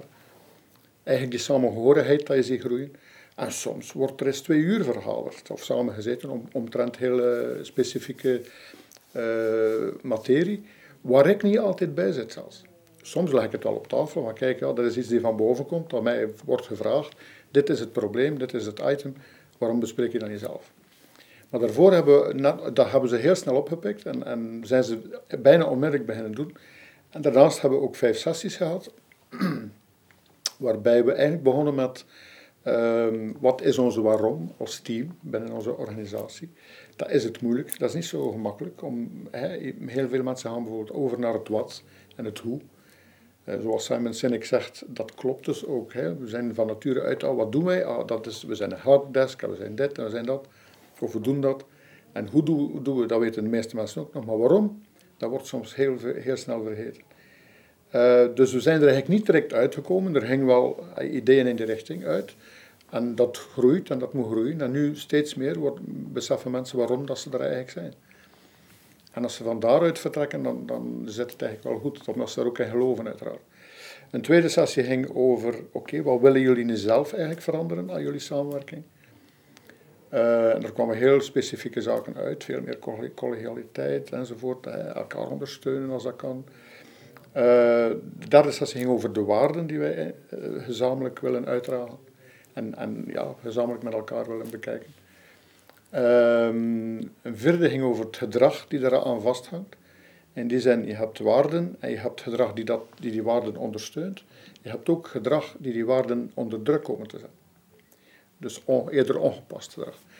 Het is net op dat ongepast gedrag dat mensen ze, elkaar moeten durven aanspreken. Als, je spreekt over zelfsturing of zelfmanagement of zelforganiseren, uh, het is niet het woord die ertoe doet, maar de manier van samenwerken um, dan merk je heel snel dat mensen heel terughoudend zijn om elkaar te zeggen waar het eigenlijk op staat. En die, dat was dan de laatste sessie, ging over communicatie, over open communicatie. En dan moet ik zeggen, dat is eigenlijk wel nog het moeilijkste. Waarom? Omdat wij allemaal, zeker in onze organisatie, geconditioneerd zijn uh, om vooral niemand te bruskeren, om niet te zeggen waar het eigenlijk op staat, om vooral een masker op te zetten hè, en niet te tonen wie dat je echt bent. Um, dus die open communicatie is best wel moeilijk. Zelfs voor mij. En ik was er nu zelf zo van overtuigd. En ik ben zelf al plat op mijn buik gegaan. Of op mijn bek gegaan, zoals dat dan heet in, in, in, uh, in, in het Nederlands of in het Vlaams, maakt niet uit. Um, door eigenlijk, een stom voorbeeldje, ik, ik verplaatste mijn, mijn kantoor van uh, een kantoor waar dat er enkel TL-lampen of kunstmatige kunstverlichting was, naar een kantoortje waar dat er daglicht was. Eigenlijk een beetje op aangeven van twee van de medewerkers. Dus ik maakte de assumptie dat iedereen daar al mee akkoord ging. Terwijl dat eigenlijk totaal verkeerd was. Er waren maar twee mensen die mij dat hadden voorgesteld. Dus ik ging in die, in die bureau zitten en, ja, ik ging ervan uit dat zou wel goed zijn. Nou, ik, zover hadden, waren ze ondertussen al geëvolueerd dat ze mij eigenlijk ter verantwoording riepen. En zeiden tegen mij, Erwin, je hebt fantastisch mooie ideeën, maar je, ze, voert ze zelf niet uit. En uiteraard wist ik precies waar het over ging hoor. Van het moment dat ze het mij zeiden, ik zei ja, dat heb ik best wel gemist. En dan is het eigenlijk, voor mij althans, niet voor iedereen misschien, maar dat moeten mensen misschien wel nog leren dan, was het heel gemakkelijk om eigenlijk te zeggen, mijn oprechte, meest oprechte excuses, want inderdaad, jullie hebben volkomen gelijk. Ik had daar moeten over communiceren. Ik heb gewoon de assumptie gemaakt dat dat eigenlijk niet nodig was. Net omdat het van, van twee mensen van jullie werd voorgesteld. Maar ja, dat wil niet zeggen dat iedereen daarmee even akkoord is natuurlijk. Dus mijn oprechte excuses. Ik, zal, ik hoop dat, dat het niet meer gebeurt, dat ik hier heel veel kan erklaren. Um, dus dat gaat eigenlijk over je nederig opstellen en vooral ook kwetsbaar tonen. En tonen dat je het ook meent. Als die verhouding alleen, zijn alle neuzen weer in diezelfde richting. Had iedereen er nog dubbel en drie voor, bij van spreken? Ehm, is iedereen, ja, iedereen is veel opener geworden ondertussen. En dat komt gewoon omdat, je, omdat dat ene momentje eigenlijk de deklik maakt bij mensen van, hij meent het dan toch. En dat is het leuke eraan. Dus dat zijn die stappen dat je eigenlijk een beetje kan doorlopen. Maar het is elke dag hard werken hoor. Vooral ook omdat je, wij zijn nu één team binnen de politie Leuven die dit op die manier doet. Er zijn nog andere teams ook die, die in die richting bezig zijn. Hier en daar is nog altijd wel vanuit die hiërarchie en dat mag ook. Je hoeft daarvoor geen stappen over te slaan. Hè. Um, je mag gerust van oranje naar groen. Hè? Dat mag. Um, en als je dan verder kunt evalueren, oké, stapje per stapje, dan komt, dat, dan komt dat wel goed. En ik heb al aangegeven, als andere officieren naartoe bereid zijn en ze willen mijn bijstand daarin, dan kan dat. Daarvoor ben ik er ook. Um, een van de zaken, er was ook een kernteam bijvoorbeeld, die dus de opvolging van, van dat traject een beetje bekijkt. Ik geef af en toe feedback naar de, naar de kernteam. Er is ook een soort blogpagina opgestart waar ik af en toe voeding aan geef. Uh, dus het wordt wel opgevolgd. Ook de korpschef vraagt me heel dikwijls van hoe gaat het er nu mee, hoe staat waar staat het. En de volgende stap is het om inderdaad uit te dragen naar andere, naar andere teams. Uh, zodanig dat het eigenlijk over de Hanse organisatie kan groeien uiteraard. Dus daar staan we nu voor en ik denk dat dat wel best uh, ja, een goed verloop zal krijgen, als we, zeker als we beginnen, want het wordt wel opgevolgd. Ik heb ook een presentatie gegeven voor mijn collega's officieren, om te mee te geven van kijk, dit is waar wij mee bezig zijn. Uh, dat zijn de principes. En 70% van die mensen kwam bij mij terug en zei van, we zijn er wel in geïnteresseerd, want het zet ons ook aan het nadenken. En dat is eigenlijk het enige dat je moet doen, dat is dat zaadje planten van, je moet geen mensen overtuigen, want dat kan niet. Gewoon die zaadjes planten, mensen laten nadenken. En dan komt het wel goed. Omdat die zelfleiding en die samenwerkingsdrang eigenlijk toch al aanwezig is. Alleen moet je dat triggeren natuurlijk. Dat is hetgeen dat we eigenlijk gedaan hebben. Daar heb je geen groot model voor nodig. Of, eh, wij hebben, zijn gestart vanuit geen model. Uiteraard heb ik een bepaalde achtergrond. Ik heb heel veel gelezen in de laatste vijf jaar. En die gebruik je dan, bewust of onbewust, maakt niet uit. Je gebruikt het en dat is wel fijn natuurlijk. Dat kan combineren. Zo van overtuigd. En ik ben zelf al plat op mijn buik gegaan, of op mijn bak gegaan, zoals dat dan heet in, in, in, in, in het Nederlands of in het Vlaams, maakt niet uit. Um, door eigenlijk, een stom voorbeeldje, ik, ik verplaatste mijn, mijn kantoor van uh, een kantoor waar dat er enkel TL-lampen of kunstmatige kunstverlichting was, naar een kantoortje waar dat er daglicht was. Eigenlijk een beetje op aangeven van twee van de medewerkers. Dus ik maakte de assumptie dat iedereen daar wel mee akkoord ging. Terwijl dat eigenlijk totaal verkeerd was. Er waren maar twee mensen die mij dat hadden voorgesteld. Dus ik ging in die, in die bureau zitten en, ja, ik ging ervan uit dat ze wel goed zijn. Nou, ik, zover hadden, waren ze ondertussen al geëvolueerd dat ze mij eigenlijk ter verantwoording riepen. En zeiden tegen mij, Erwin, je hebt fantastisch mooie ideeën, maar je, ze, voert ze zelf niet uit. En uiteraard wist ik precies waar het over ging hoor. Van het moment dat ze het mij zeiden, ik zei, ja, dat heb ik best wel gemist. En dan is het eigenlijk, voor mij althans, niet voor iedereen misschien, maar dat moeten mensen misschien wel nog leren dan, was het heel gemakkelijk om echt te zeggen, mijn oprechte, meest oprechte excuses, want inderdaad, jullie hebben volkomen gelijk. Ik had daar moeten over communiceren. Ik heb gewoon de assumptie gemaakt dat dat eigenlijk niet nodig was. Net omdat het van, van twee mensen van jullie werd voorgesteld. Maar ja, dat wil niet zeggen dat iedereen daarmee even akkoord is natuurlijk. Dus mijn oprechte excuses. Ik, zal, ik hoop dat, dat het niet meer gebeurt, dat ik hier heel veel kan uitleren. Um, dus dat gaat eigenlijk over je nederig opstellen en vooral ook kwetsbaar tonen. En tonen dat je het ook meent. Als die verhouding alleen, zijn alle neuzen weer in diezelfde richting. Had iedereen er nog dubbel en drie voor, bij spreken? uh, is iedereen, ja, iedereen is veel opener geworden ondertussen. En dat komt gewoon omdat, je, omdat dat ene momentje eigenlijk de deklik maakt bij mensen van, hij meent het dan toch. Levert het concreet op? Wat, wat, ja, wat verandert er waardoor het de moeite waard is dat anderen dit ook gaan doen? Ja. Jouw, jouw collega's bijvoorbeeld. Well, um, een van de eerste zaken was uiteraard, die, he, zoals ik zei, die, die celcultuur, die silocultuur uh, die er eigenlijk was. Vier, vier celletjes in een team van twintig mensen, dat is al he, vrij beperkend. Die celletjes zijn eigenlijk open weggevallen. Dus oké, de hoofdtaken blijven, want het was vooral op hoofdtaken gericht. Die hoofdtaken blijven, daar gaan we mensen ook niet, niet, niet uithalen, dat hoeft ook niet. Uh, maar ze kijken nu veel sneller naar elkaar. We hebben vorige week maandag we, hebben we samengezeten rond het feit van multifunctionaliteit. Dat betekent in plaats van enkel maar in je celletje te kijken, dat je ook naar de andere, dienst, naar de andere celletjes kijkt en zegt van oké, waar kan ik bijstaan als er tijd en ruimte is, want dat is wel belangrijk. Als de capaciteit van medewerkers er ook is. Want daar struggelen wij een beetje mee. We hebben op dit moment zitten we een beetje op ons standvlees. Uh, omdat mensen niet vervangen geweest zijn in het verleden, zitten we zo juist ja, met voldoende medewerkers om onze takenpakket te kunnen uh, volhouden. Maar dat takenpakket verruimt altijd maar. Dus als mensen niet vervangen worden, dan komen wij onder druk te staan. En dan mag je de cultuur zoveel mogelijk aanpakken als wilt, zo goed mogelijk aanpakken als je wilt.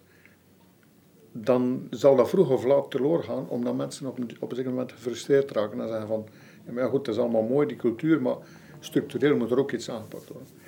Uh, maar je ziet dus dat die samenhorigheid veel groter wordt. Dat mensen echt ook uh, vanuit een positiviteit, naar, van een positieve insteek naar hun werk komen. Dat er veel meer, uh, ja, hoe dat gaan zeggen, warmte is. Dat er veel meer energie stroomt in die, in die dingen. Dat mensen elkaar ja, bijstaan en eigenlijk heel normaal, of heel normaal, natuurlijk met elkaar omgaan. Uh, dat, de, dat de maskers eigenlijk voor een stukje afvallen. afvallen.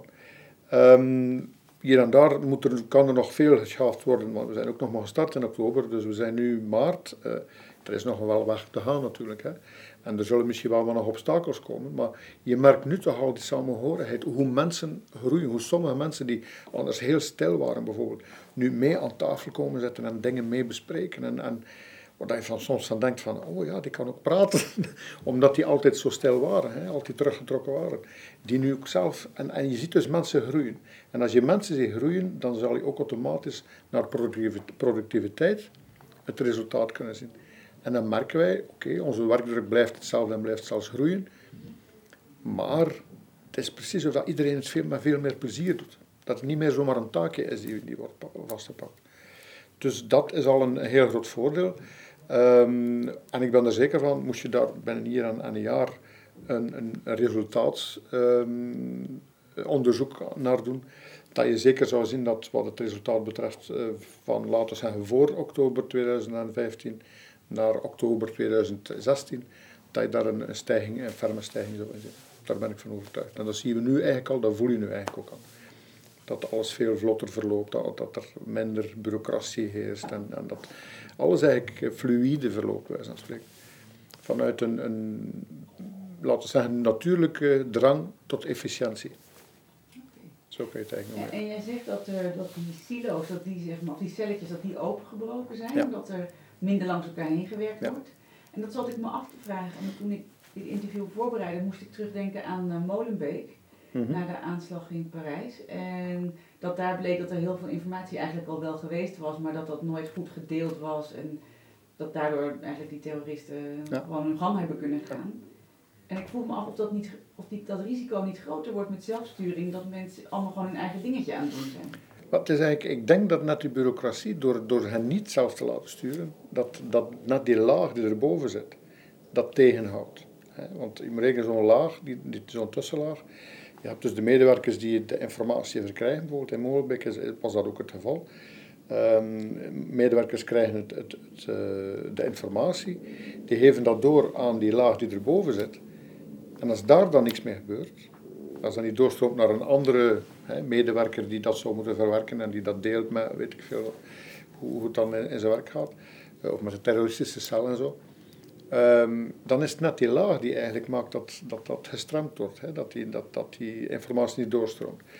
Als je natuurlijk deze medewerker en deze medewerker naast elkaar zet, dat bij, nu, bij ons nu gebeurt elke dag opnieuw, dan gaan die veel sneller met elkaar praten zonder dat die tussenlaag er nog is.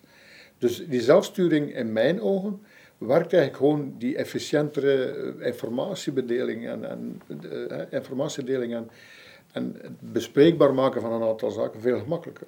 Omdat dus, en dat merken wij nog altijd trouwens, en dat is geen verwijt naar mijn, naar mijn overste verre van, maar uh, stel ik, ik wil dus um, iets bewerkstelligen in, in mijn team. Op dit moment kan ik het dus zelf. Waarom? Omdat de korpschef mij direct opvolgt. Maar in het oude systeem zou ik eigenlijk, als ik iets wil bewerk, bewerkstelligen of iets bereiken, dan moet ik het eerst vragen aan mijn afdelingshoofd. Dat gaat dan in een strategisch overleg, het stafoverleg noemt dat dan bij ons, of het strategisch overleg noemt in het leger bijvoorbeeld de staf, het stafoverleg. Um, wordt dat besproken met de korpschef, met de korpsleiding, de beleidsadviseur. Die gaan dan eigenlijk ofwel de zee geven ofwel niet. En dan wordt pas beslist of dat ik eigenlijk, terwijl als ik met mijn collega die naast mij zit kan praten, dan kunnen we dat samen bekijken. Is een heel, veel, veel efficiënt, efficiëntere manier van samenwerken en co-creëren zelfs. Um, dus in feite die tussenlaag, ik zeg niet dat die moet veranderen, of dat die ervan uit moet. Dat zou heel bedreigend zijn natuurlijk. Alleen komt het er eigenlijk op neer dat je die tussenlaag duidelijk kan maken, of duidelijk kan laten aanvoelen, dat hun rol eigenlijk kan, kan veranderen. Dat ze mensen best wel met elkaar kunnen laten uh, communiceren. Dat zij daar niet hoeven tussen te zetten. Uh, dat ze er eigenlijk, in plaats van erboven te gaan staan, dat ze er eigenlijk veel eerder onder moeten gaan staan om net die mensen efficiënter te laten werken. Zo bekijk ik dat uiteindelijk. En ik denk dat dat ook wel gevolgd wordt in de realiteit. Als je kijkt in, uh, als je nou kijkt de holocratie, dat is een mooi voorbeeld. Dan gaan mensen echt wel samen rond de tafel zitten die belangen hebben bij elkaar. En dat is ook zelfsturend. Dus als iemand die verantwoordelijkheid opneemt van, die taken, van het takenpakket dat hij heeft, dan werkt denk ik zelfsturing net uh, veel efficiënter dan, dan een hiërarchische organisatie. En dat, is ook, dat wordt ook bijvoorbeeld in zijn boek weergegeven. Als je spreekt over zelfsturing, dan heb je het over het feit dat uh, zelfsturing veel gemakkelijker met complexe complexiteit, met die groeiende complexiteit van onze, van onze maatschappij omgaat. Terwijl een hiërarchie dat natuurlijk stremt. Ja. En tegelijkertijd zijn volgens mij veel overheidsorganisaties ook bureaucratisch om te voorkomen dat er willekeur ontstaat naar de burger. Ja. Je kan natuurlijk niet hebben dat de ene agent iets zo afwandelt en de andere agent het weer heel anders afwandelt. Dus hoe, hoe werkt dat dan? Nou, het is ook niet zo dat, je, dat, dat zelfsturing betekent dat, dat er chaos is. Hè. Uh, zoals ik zei, we hebben dus een stap uh, vastgelegd waar we eigenlijk ons kader hebben gecreëerd. Er zijn ook een aantal procedures en die mogen er best zijn. Want procedures in mijn ogen, wij noemen dat een richtlijn. Wel, het woord zegt het eigenlijk zelf. Het is een, het aangeven van een richting. Dat is de goede manier van werken. Daar komt het eigenlijk op neer. En mensen hebben er ook voor een stukje nood aan. Om terug te vallen als ze. maar in heel veel gevallen wordt dat ook een, bijna een automatisme. Het mag geen star-automatisme worden natuurlijk, waar je enkel nog naar de richtlijn kijkt en zegt van oh dat en dat en dat en alles erbuiten niet meer. Er moet een soort creativiteit zijn, een soort sense en response zoals dat dan heet. Het aanvoelen van, hè, zoals in Nederland zegt men dan regelvrij werken, het zelf aanvoelen van waar ga ik welke procedure toepassen. Die procedures mogen er wel zijn, het kader mag er wel zijn, uiteraard. Alleen laat je de invulling, als dat naar efficiëntie toe gaat, eigenlijk aan de mensen over die het elke dag opnieuw doen, vanuit hun professionaliteit. Zelfsturing betekent, zoals ik zei, geen chaos, maar wel start bij zelfdiscipline, bij zelfverantwoordelijkheid, bij samenwerken, willen samenwerken, bij gelijkwaardigheid, bij vertrouwen stellen in mensen, bij respect hebben voor mensen. Dat zijn een aantal waarden die, die heel belangrijk zijn daarin en die wij constant moeten voeden, die wij stand, bij onszelf vooral in eerste instantie. En dan is dat hogere doel ook heel belangrijk, omdat mensen dat dan elke keer als toetssteen kunnen gebruiken als ze keuzes moeten maken. Ja, dat klopt. Ja. Die evolutionaire purpose, zoals dat dan heet in het boek, en, en uh, ja, evolutionaire zingeving, dat klopt dus ook. Er is geen enkele organisatie die hier staat, kijk maar naar buurtzorg, dat is een start-up. Die zijn gegroeid van zes mensen naar 10.000. Dat is onvoorstelbaar. Dit soort systeem wordt over de hele wereld ondertussen hè, in, in, de zorgsector overgenomen. Ook in België trouwens. Hè. Uh, ondertussen zit buurtzorg ook in België als, als uh, organisatie of als, als bedrijf. Uh, maar ook het, wet, het Wet Hele Kruis bijvoorbeeld.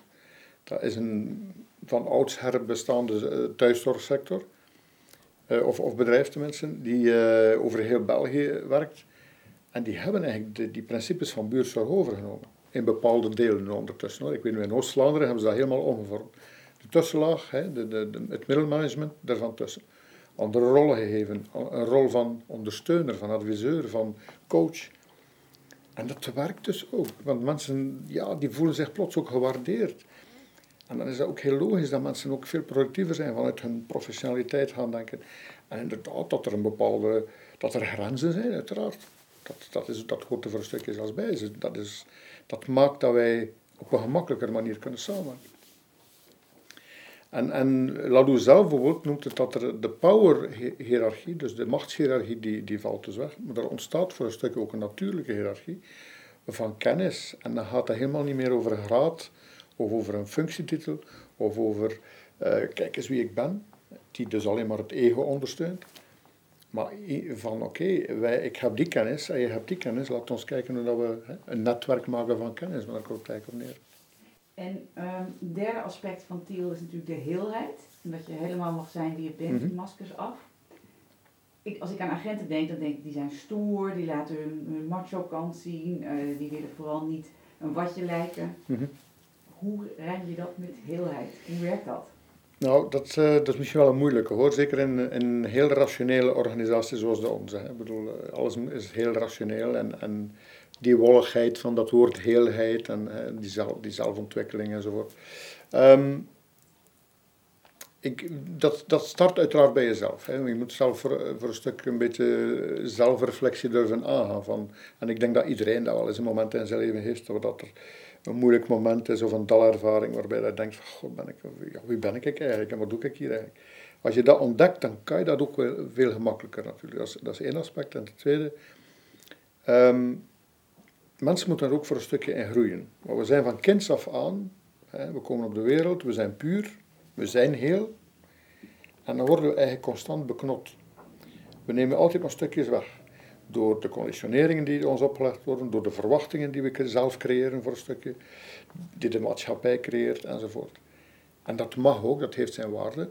Maar in feite beknotten we mensen en gaan we die heelheid altijd maar verder en verder beperken totdat er alleen nog een stukje rationaliteit overblijft. Dus moeten mensen constant maskertjes opzetten. Uh, een collega van mij, Anne Baker, die heeft daar, eh, een collega, een, laten we zeggen een Vlaamse eh, jonge dame, heeft daar een mooi boek over geschreven, Leiding geven zonder masker. Uh, heel interessant, want dat zit echt wel in, dezelfde richting. Um, die spreekt dus over het feit van, ja, wij hebben een masker op, en dat, dat is ook wat Lalou in, in, zijn boek beschrijft, van, uh, je moet maar eens een sollicitatiegesprek bekijken. Onze cv, verbloemd of niet verbloemd, maakt niet uit, maar zo, zo goed, zo positief mogelijk opgesteld, uh, een gesprek, een interview, maar meestal nog met mensen dat we eigenlijk nooit gaan mee samenwerken. Um, waar, de, we onszelf fantastisch mooi voorstellen. Het bedrijf of de organisatie die zich ook op zijn beurt veel mooier voorstelt dan dat misschien ook al is. Mensen zijn gedreven, beginnen aan hun eerste werkdag met, oh ja, hier, hier kan ik mijn, heb, heb ik mijn kansen. En na zes maanden moet je die mensen, diezelfde mensen eens aanspreken en kijken wat er van gekomen is naar zichzelf toe, omdat hij zich misschien mooier of, of zij, hij of zij mooier heeft voorgesteld dan dat ze zijn. Um, dat ze eigenlijk niet zichzelf, want elke mens heeft goede kanten en minder goede kantjes misschien. Als men daar rekening mee houdt, dan is er op zich eigenlijk geen probleem. In onze organisatie is dat best wel moeilijk. En ik denk dat dat misschien het, het moeilijkste van alles. Omdat net vanuit die conditionering, zoals ik net al zei, mensen durven elkaar bijvoorbeeld niet kwetsen. Uh, terwijl dat je, je hoeft niet kwetsend te zijn als er iets, als er iets moet gezegd worden waar, waar het op staat. Je kan dat ook best in, in, in laten we vanuit respect en vanuit beleefdheid, van een eh, empathisch gevoel uh, met elkaar delen. Dus dat is best wel moeilijk. En je, wat ik ook wel merk is dat um, eer dat mensen maskertjes afleggen, dat dat niet zo dat je er echt wel heel lang moet, moet op, op werk, werk van maken. Dat je er echt moet, moet, moet energie in steken. Uh, en vooral, dat start weer bij jezelf, door te tonen wie dat jij bent. Dat je kwetsbaar op te durven stellen. En te tonen wie dat, ja, ik, heb inderdaad fouten. Hè, zoals iedereen. En de, ook het feit dat je die mensen toelaat om fouten te maken. Uh, om te zijn wie dat ze zijn. Uh, de laatste twee jaar heb ik zelf kunnen ervaren wat aanvaarding en geduld meebrengen als, als positieve waarden. En als je mensen kunt aanvaarden zoals dat ze zijn, dan maakt het eigenlijk veel gemakkelijker om, om met elkaar om te gaan. Dat is eigenlijk een natuurlijk gegeven, maar oké, dat is natuurlijk niet, niet, niet evident om dat te bewerkstelligen in een, in een organisatie die van oudsher heel, ja, heel vast zit in, ja, goed, in, in ego-gericht denken. En we halen ook mensen binnen op die manier. Uh, ik, heb, ik probeer nu bijvoorbeeld met nieuwe mensen die bij, bij ons, die solliciteren om bij onze dienst te werken, dan ben ik echt wel op zoek naar van wat betekent die mensen eigenlijk, wat, wat, hè. wat kan die mensen meerwaarde bieden aan de andere mensen in, het, in, in deze groep. Uh, en ik laat zelfs de mensen zelf vanuit die groep mee deelnemen aan dat, aan dat sollicitatiegesprek. Het liefst van alles zou ik het eigenlijk op zijn stemkoos doen. Dat is dat je zo'n vijftal weken meeloopt in, in die groep. En dat je de mensen echt leert kennen om dan te zeggen van kijk, je past bij ons, je past niet bij ons. Want uh, stel je maar voor dat je dus 40 jaar ergens moet gaan werken en dat je eigenlijk totaal niet in, in een groep past of je niet kan vinden met mensen. Dan moet echt wel, dat, vandaar ook dat er zoveel mensen met een burn-out eh, eindigen en met stress en met depressie en, uh, en thuis, thuis ziek zijn omdat ze of mentaal ziek zijn omdat ze eigenlijk niet op de juiste plaats zijn. Dus dat is wel best moeilijk, dat is niet zo evident, zeker in een bestaande organisatie. Dus daar struggelen we nog altijd mee. Het is ook niet zo dat het 1, 2, 3 even opgelost is natuurlijk. Um, je had het net over uh, het evolutionaire proces, de evolutionaire ontwikkeling. Um, ja, logischerwijs ga je dan van een klassiek blauwe organisatie, wat de politie van huis uit denk ik is, via oranje en groen naar teal. Maar het klinkt bijna alsof jij dat overgeslagen hebt en in één keer de sprong gemaakt hebt. Nou, dat lijkt misschien ook zo hoor. Ik bedoel, um, uiteraard, ik, ik ben vrij doordrongen van die, van die TIEL-principes.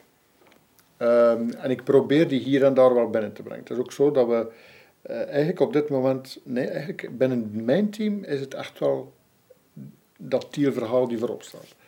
Uh, waarom? Omdat ik merkte dat toen ik binnenkwam in die dienst, dat die mensen eigenlijk best wel zelfsturend werkten onder, eh, op voor zichzelf dan. Hè. Dat die heel weinig hiërarchie nodig hadden om te doen wat ze deden. Want ik ben binnengekomen, uh, ik kende uiteraard niemand, ik ben ook niet de persoon om naast mensen te gaan staan en die te gaan controleren. Die hadden dat ook niet nodig. Dus zouden ze eigenlijk al in die groene fase. Dat was voor mijn team ondertussen wel gemakkelijker om, om richting Tiel te evolueren. Zijn er nog uh, groene stukjes en zelfs misschien hier en daar nog wat oranje stukjes? Uiteraard. Uh, ik zal een voorbeeldje geven. Um, wij hebben zoiets als openbare orde. Hè. Je hebt dat ook in Nederland. Um, de mobiele eenheid hier, die wordt ingezet om uh, ja, zeggen, betogingen en, en, en protestmarsen en weet ik veel wat te begeleiden. Daar heb je structuur nodig. Daar heb je die sturing nodig, die leiding nodig. Waarom? Omdat er een overview moet blijven natuurlijk. Je kan, als je een, een, een eenheid hebt van de mobiele eenheid die, die op die plek staat en ondertussen drie, vier straten verder staat een ander team van de mobiele eenheid, ja, er moet een overview blijven natuurlijk. Dus heb je eigenlijk voor een stukje die hiërarchie nodig. Waarom? Omdat er eenvormigheid daar vereist wordt. Maar dat is slechts 1 of 2 procent van onze dag, dagelijkse taken. Dus ik merkte heel snel, of ik merk nu bijvoorbeeld eh, aan twee inspecteurs bij ons, die kunnen ingezet worden voor die, voor die openbare orde uh, invulling, dat die, daar eigenlijk, ja, dat die daar nog weinig voeling mee hebben. Ondanks het feit dat ze... En toch moet het voor een stukje natuurlijk.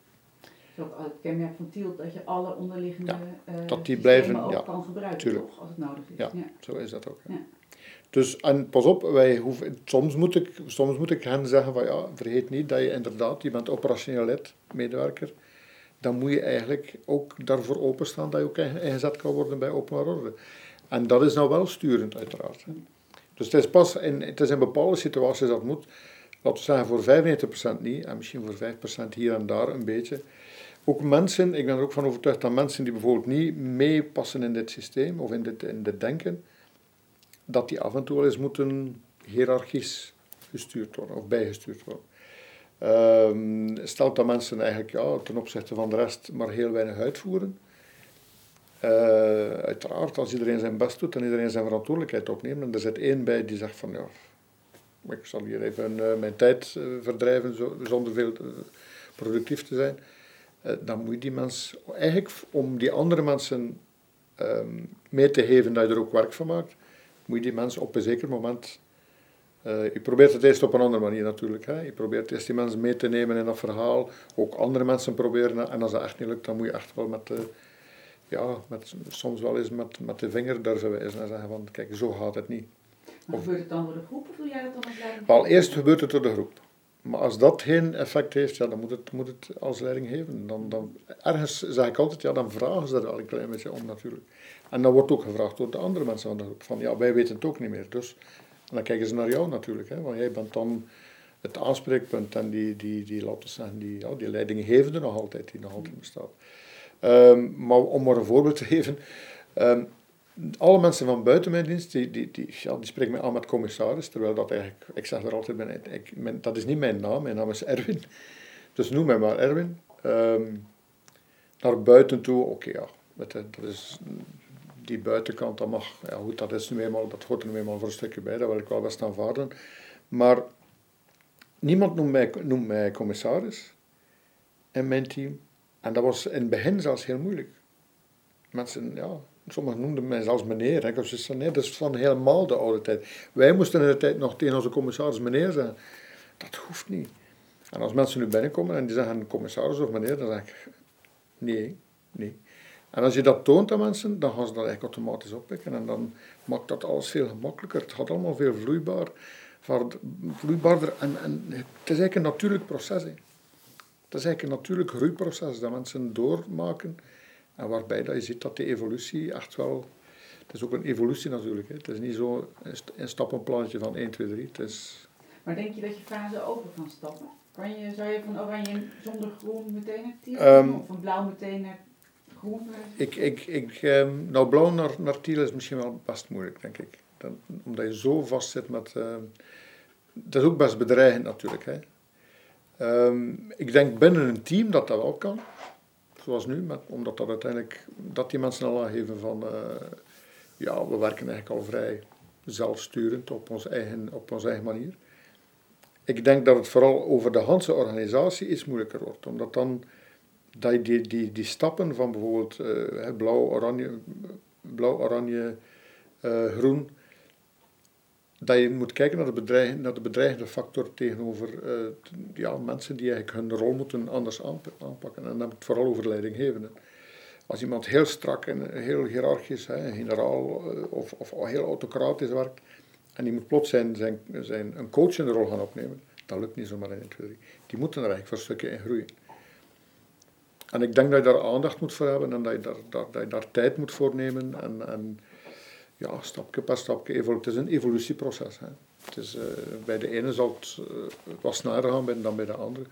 Maar stappen overslaan, ja, je kan dat in een team die al vrij zelfsturend is, zoals het mijne nu, uh, van nature uit, um, dan kan dat. Maar ik zou er wel voorzichtig mee blijven. Ja. Heb je tips voor andere politiekorpsen die het zouden willen gaan doen? Um, ja. Um, ik kan zeggen van, um, het gaat over een bewustwordingsproces. Dus maak er eerst zelf werk van.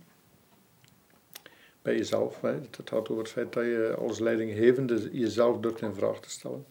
Niet, andere niet, vooral, niet start met andere mensen in vraag te stellen, maar eerst, kijkt, eerst in, in de spiegel durft te kijken. en als je dan bewust genoeg bent van het kan ook anders, en ik voel me daar eigenlijk zelfs beter bij, dat je dat ook gaat doen. En, en waar ik een klein beetje verschil van mening met, met wat in het boek van Valalou bijvoorbeeld wordt vooropgesteld, trouwens dat is maar één boek, er zijn nog andere boeken, maar um, dat is dat het uh, noodzakelijk is dat de CEO uh, dat ondersteunt. Uiteraard helpt het wel. En als het gaat over een handse organisatie, in de richting van Thiel laten evolueren, dan heb je inderdaad de CEO nodig, die dat faciliteert. Uh, uiteraard ook, en binnen een bedrijf ook nog de, de, de, board of directors of de board of uh, investors, wat het ook mag zijn. Ik ben er niet zo in thuis.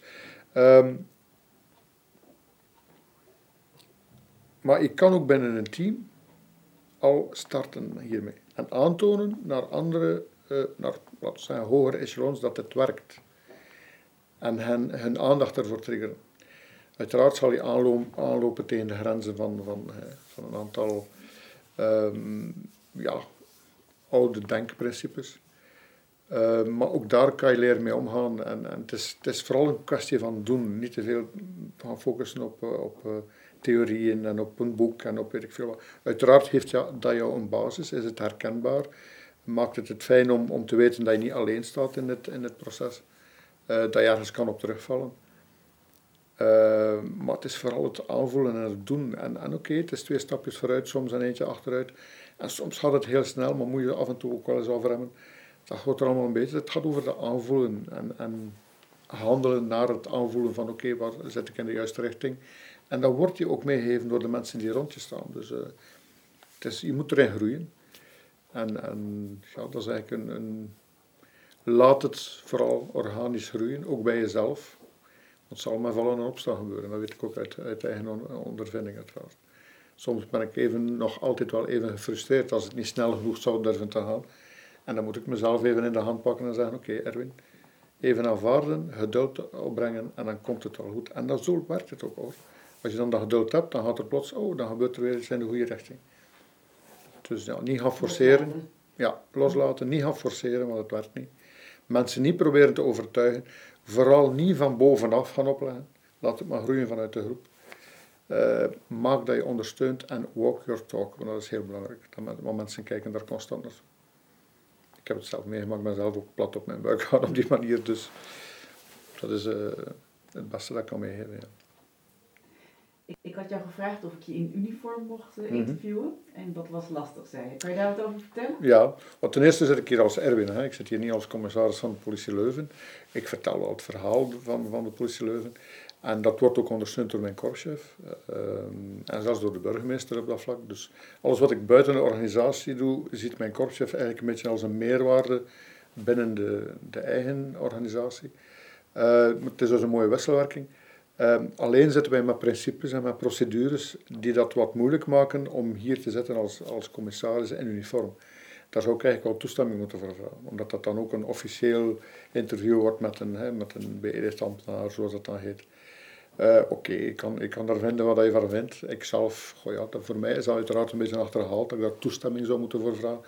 Maar ik kan mij wel vinden, ja goed, zelf, ik zit nu eenmaal in die organisatie, dus moet ik daar ook, uh, ja, kan ik daar eigenlijk niet buiten.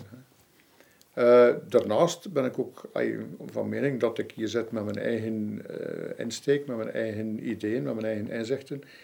En als ik hier zo in uniform zit, dan ben ik ook vertegenwoordiger van mijn organisatie. Uh, dan, dan zou dat wel, wel iets moeilijker liggen bij een aantal mensen, denk ik. Dan zou ik hier niet zo vrij uit kunnen. Zijn de uniformen nog functioneel in een TIL-organisatie? Goh, die hoeven eigenlijk niet. Een uniform is een, is een symbolisch herkenbaar middel naar buiten toe. Uh, maar binnen, als, als ik nu kijk naar mijn eigen dienst bijvoorbeeld, ik heb, wij hebben heel weinig contact met het publiek. Ik zou eigenlijk even goed een burger kunnen zetten, oh, in, eh, hoe noem je dat in, in Nederland, in Nederland, juist, uh, in, in burgerkledij kunnen zetten dan dat ik in uniform zit. Dat heeft voor mij totaal geen meerwaarde. Integendeel, ik voel me er eigenlijk zelfs een beetje net door die status of die, die, die symbolische waarde van uh, twee houden kroontjes is dat dan bij ons. Uh, ja, kijk, bekijken mensen hier voor een stuk anders. Dus is dat nog nodig? Eigenlijk niet. Uh, natuurlijk naar buiten toe, zeker in een, in een organisatie zoals het leger, in een organisatie zoals de politie, ja, naar buiten toe moet dat herkenbaar zijn, maar is die uniformiteit uiteraard nodig. Maar intern denk ik niet dat dat veel rol speelt. Ja, we zijn nu eenmaal, ik kan natuurlijk moeilijk vragen aan mensen van de interventiedienst of van de wijkpolitie uh, dat ze niet meer in uniform zouden komen werken. Maar intern hoeft dat eigenlijk geen rol te spelen natuurlijk. In samenwerking met elkaar hoeft dat geen rol te spelen. Dus dat kan, als je binnenkomt kan je ze gerust wel afleggen als dat zou zijn. Dat is dan een praktisch probleem natuurlijk. Nog één laatste vraag. Ik zie hm. dat jij zo'n armbandje draagt. Ja. Ben jij boeddhist? Nee, ik ben geen, nee, ik ben geen boeddhist. Dat is, uh, een, dat is een, een kerstcadeautje van mijn neefje. Uh, ik, daar hecht ik al heel veel waarde aan, uiteraard, omdat het ook van mijn, vanuit zijn hart komt. Uh, ik heb wel, wat ik wel heb, is laten we zeggen, een aantal waarden die het boeddhisme uitdraagt. Ik, heb, ik ben eigenlijk agelovig, om het zo, zo te noemen. Um, spiritualiteit is iets die, die heel persoonlijk is, vind ik. Er hoeft ook geen stempel op geplakt te worden, want hoe je ermee omgaat ligt vooral aan jou. Maar ik kan me wel vinden in een aantal principes. Maar dat zijn universele principes. Dat hoeft, eh, je zult die ook terugvinden in het christendom, je zult die terugvinden in islam, je zult terugvinden in, in het hindoeïsme. Dat gaat over die menselijke waarden waar ik het altijd over heb. Hè. Uh, wat Christus heeft verkondigd en wat uh, Mohammed heeft verkondigd en Boeddha en weet ik veel wie allemaal, die, die profeten, dat, heeft, dat gaat eigenlijk over waar wij nu eigenlijk ook mee bezig zijn. Uh, in hun tijd had dat uiteraard een, een ja, een, een heel charismatische, bracht dat een heel charismatische beweging op gang. Um, maar goed, ja, die waarde van, van boeddhisme, dat, dat interesseert me uiteraard wel. Ben ik een boeddhist? Nee, dat hoeft ook niet. Geen boeddhistisch nee. armbandje, begrijp ik. Erwin, hartstikke bedankt voor het interview. Ik vond het heel erg interessant om te horen hoe jij in, uh, in jouw organisatie deze principes implementeert. Dankjewel. Dank je voor de uitnodiging.